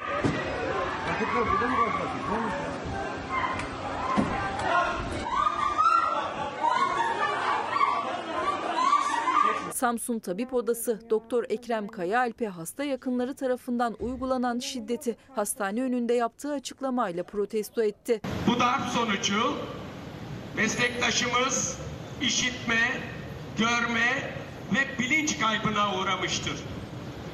Tıbbi kontrol altına alınan meslektaşımızın incelemeleri devam etmektedir. Samsun Tabip Odası olarak da konunun yakından ve sonuna kadar takipçisi olacağımızın bilinmesini istiyoruz. Doktor Melek Bahçede Antalya'nın Alanya ilçesinde görevli olduğu aile sağlığı merkezinde görevi başındayken boşanma sürecinde olduğu eşi tarafından öldürüldü. Muğla'daki sağlık emekçileri sınırsızlık meydanında bir araya geldi. Doktor Melek Bahçe'nin öldürülmesini protesto ettiler. Ülkemizin içinde bulunduğu şiddet sarmalında bir kadın, bir sağlık emekçisini daha kaybetmenin derin hüznünü ve öfkesini yaşıyoruz.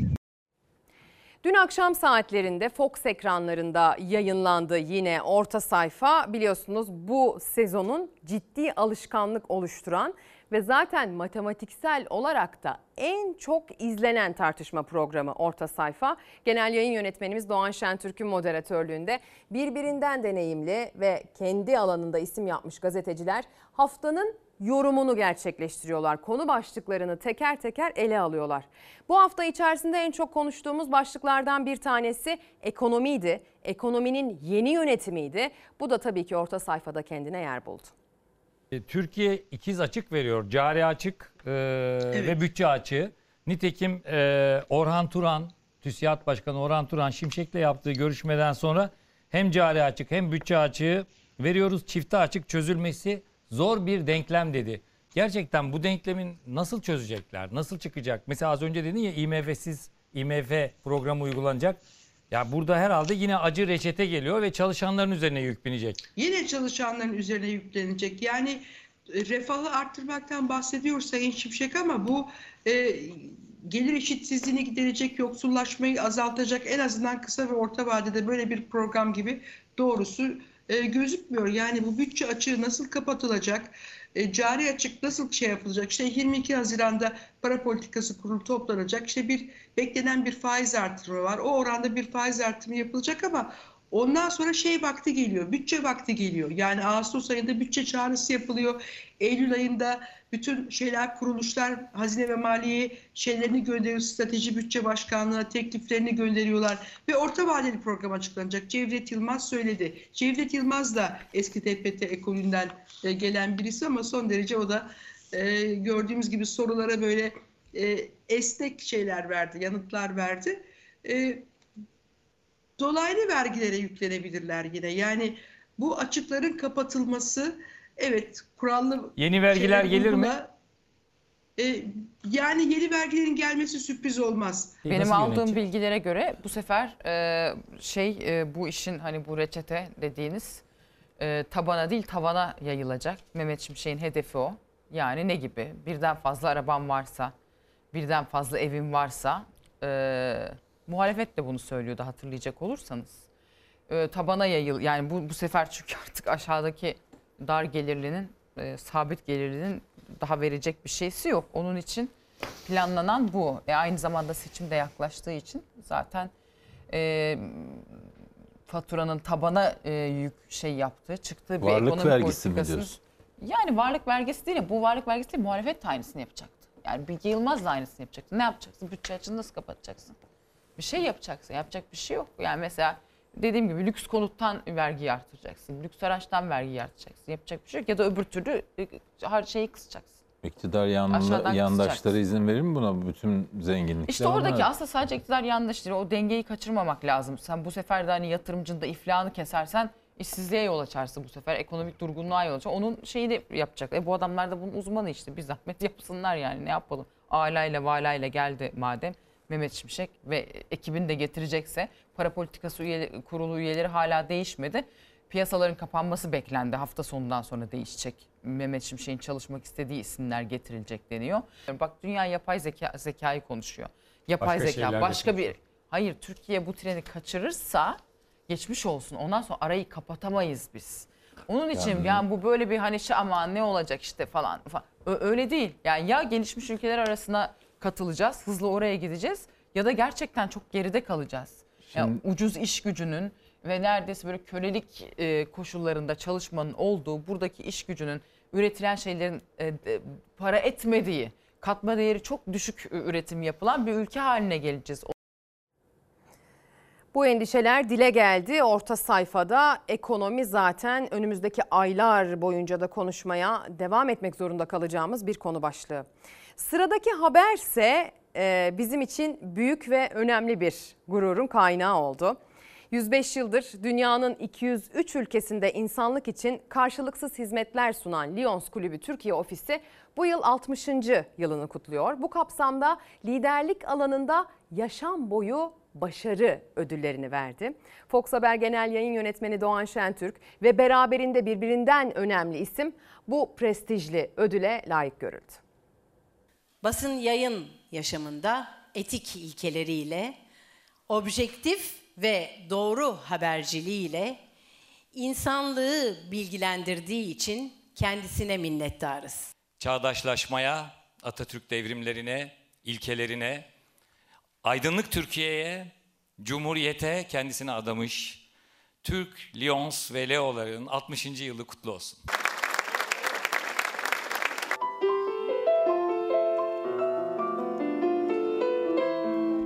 Türkiye Kulübü'nün yaşam boyu başarı ödüllerinin sahipleri belli oldu. Fox Haber Genel Yayın Yönetmeni Doğan Şentürk, dünyaca ünlü piyanist Fazıl Say ve İzmir Büyükşehir Belediye Başkanı Tunç Soyer prestijli ödüle layık görüldü. Sizlere teşekkür etmek lazım. Aslında halk adına, insanlar adına etmek lazım. Çok güzel bir şey yapıyorsunuz. Teşekkür ederiz. Ve bizim için de bir onur tab- tabii ki her zaman sizinle birlikte olmak, sizinle dayanışma içinde olmak da onur. Mücadele etmenin e, çok e, önemli olduğu bir meslek grubundayım. E, Mevlana'nın dediği gibi her dem yeni doğarız, bizden kim usanası. Her gün yeni doğmamız gerekiyor. Biz de bu meslekte dalgalara karşı mücadele edeceğiz. E, ne adına mücadele edeceğiz? Özgür habercilik. Ne adına mücadele edeceğiz?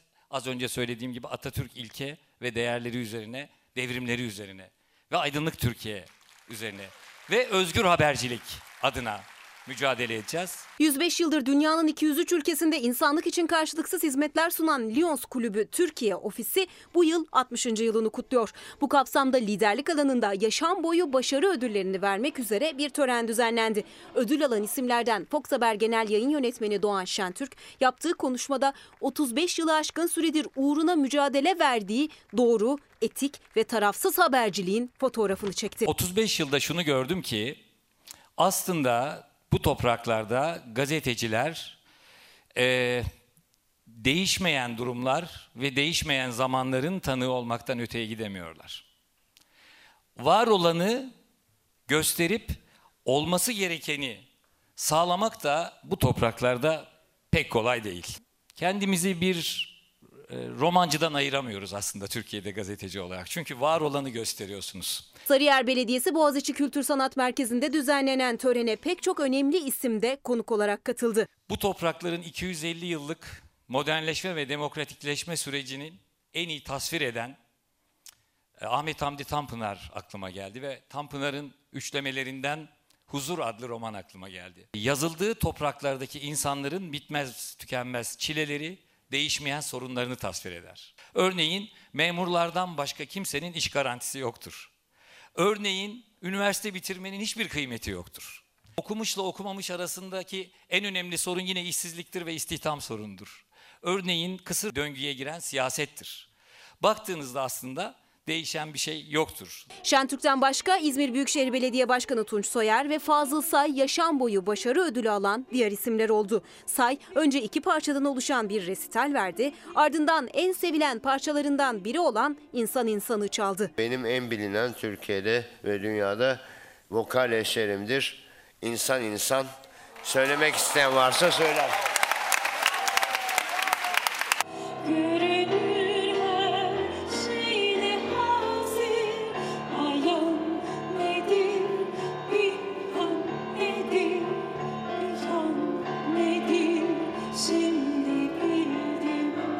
Bu ödülü benimle birlikte 18 yıldır yürüyen, bu yolda yürüyen, özgür habercilik adına yürüyen Fox Haber'deki bütün arkadaşlarım adına alıyorum. Gerek ekran önü, gerek ekran arkası.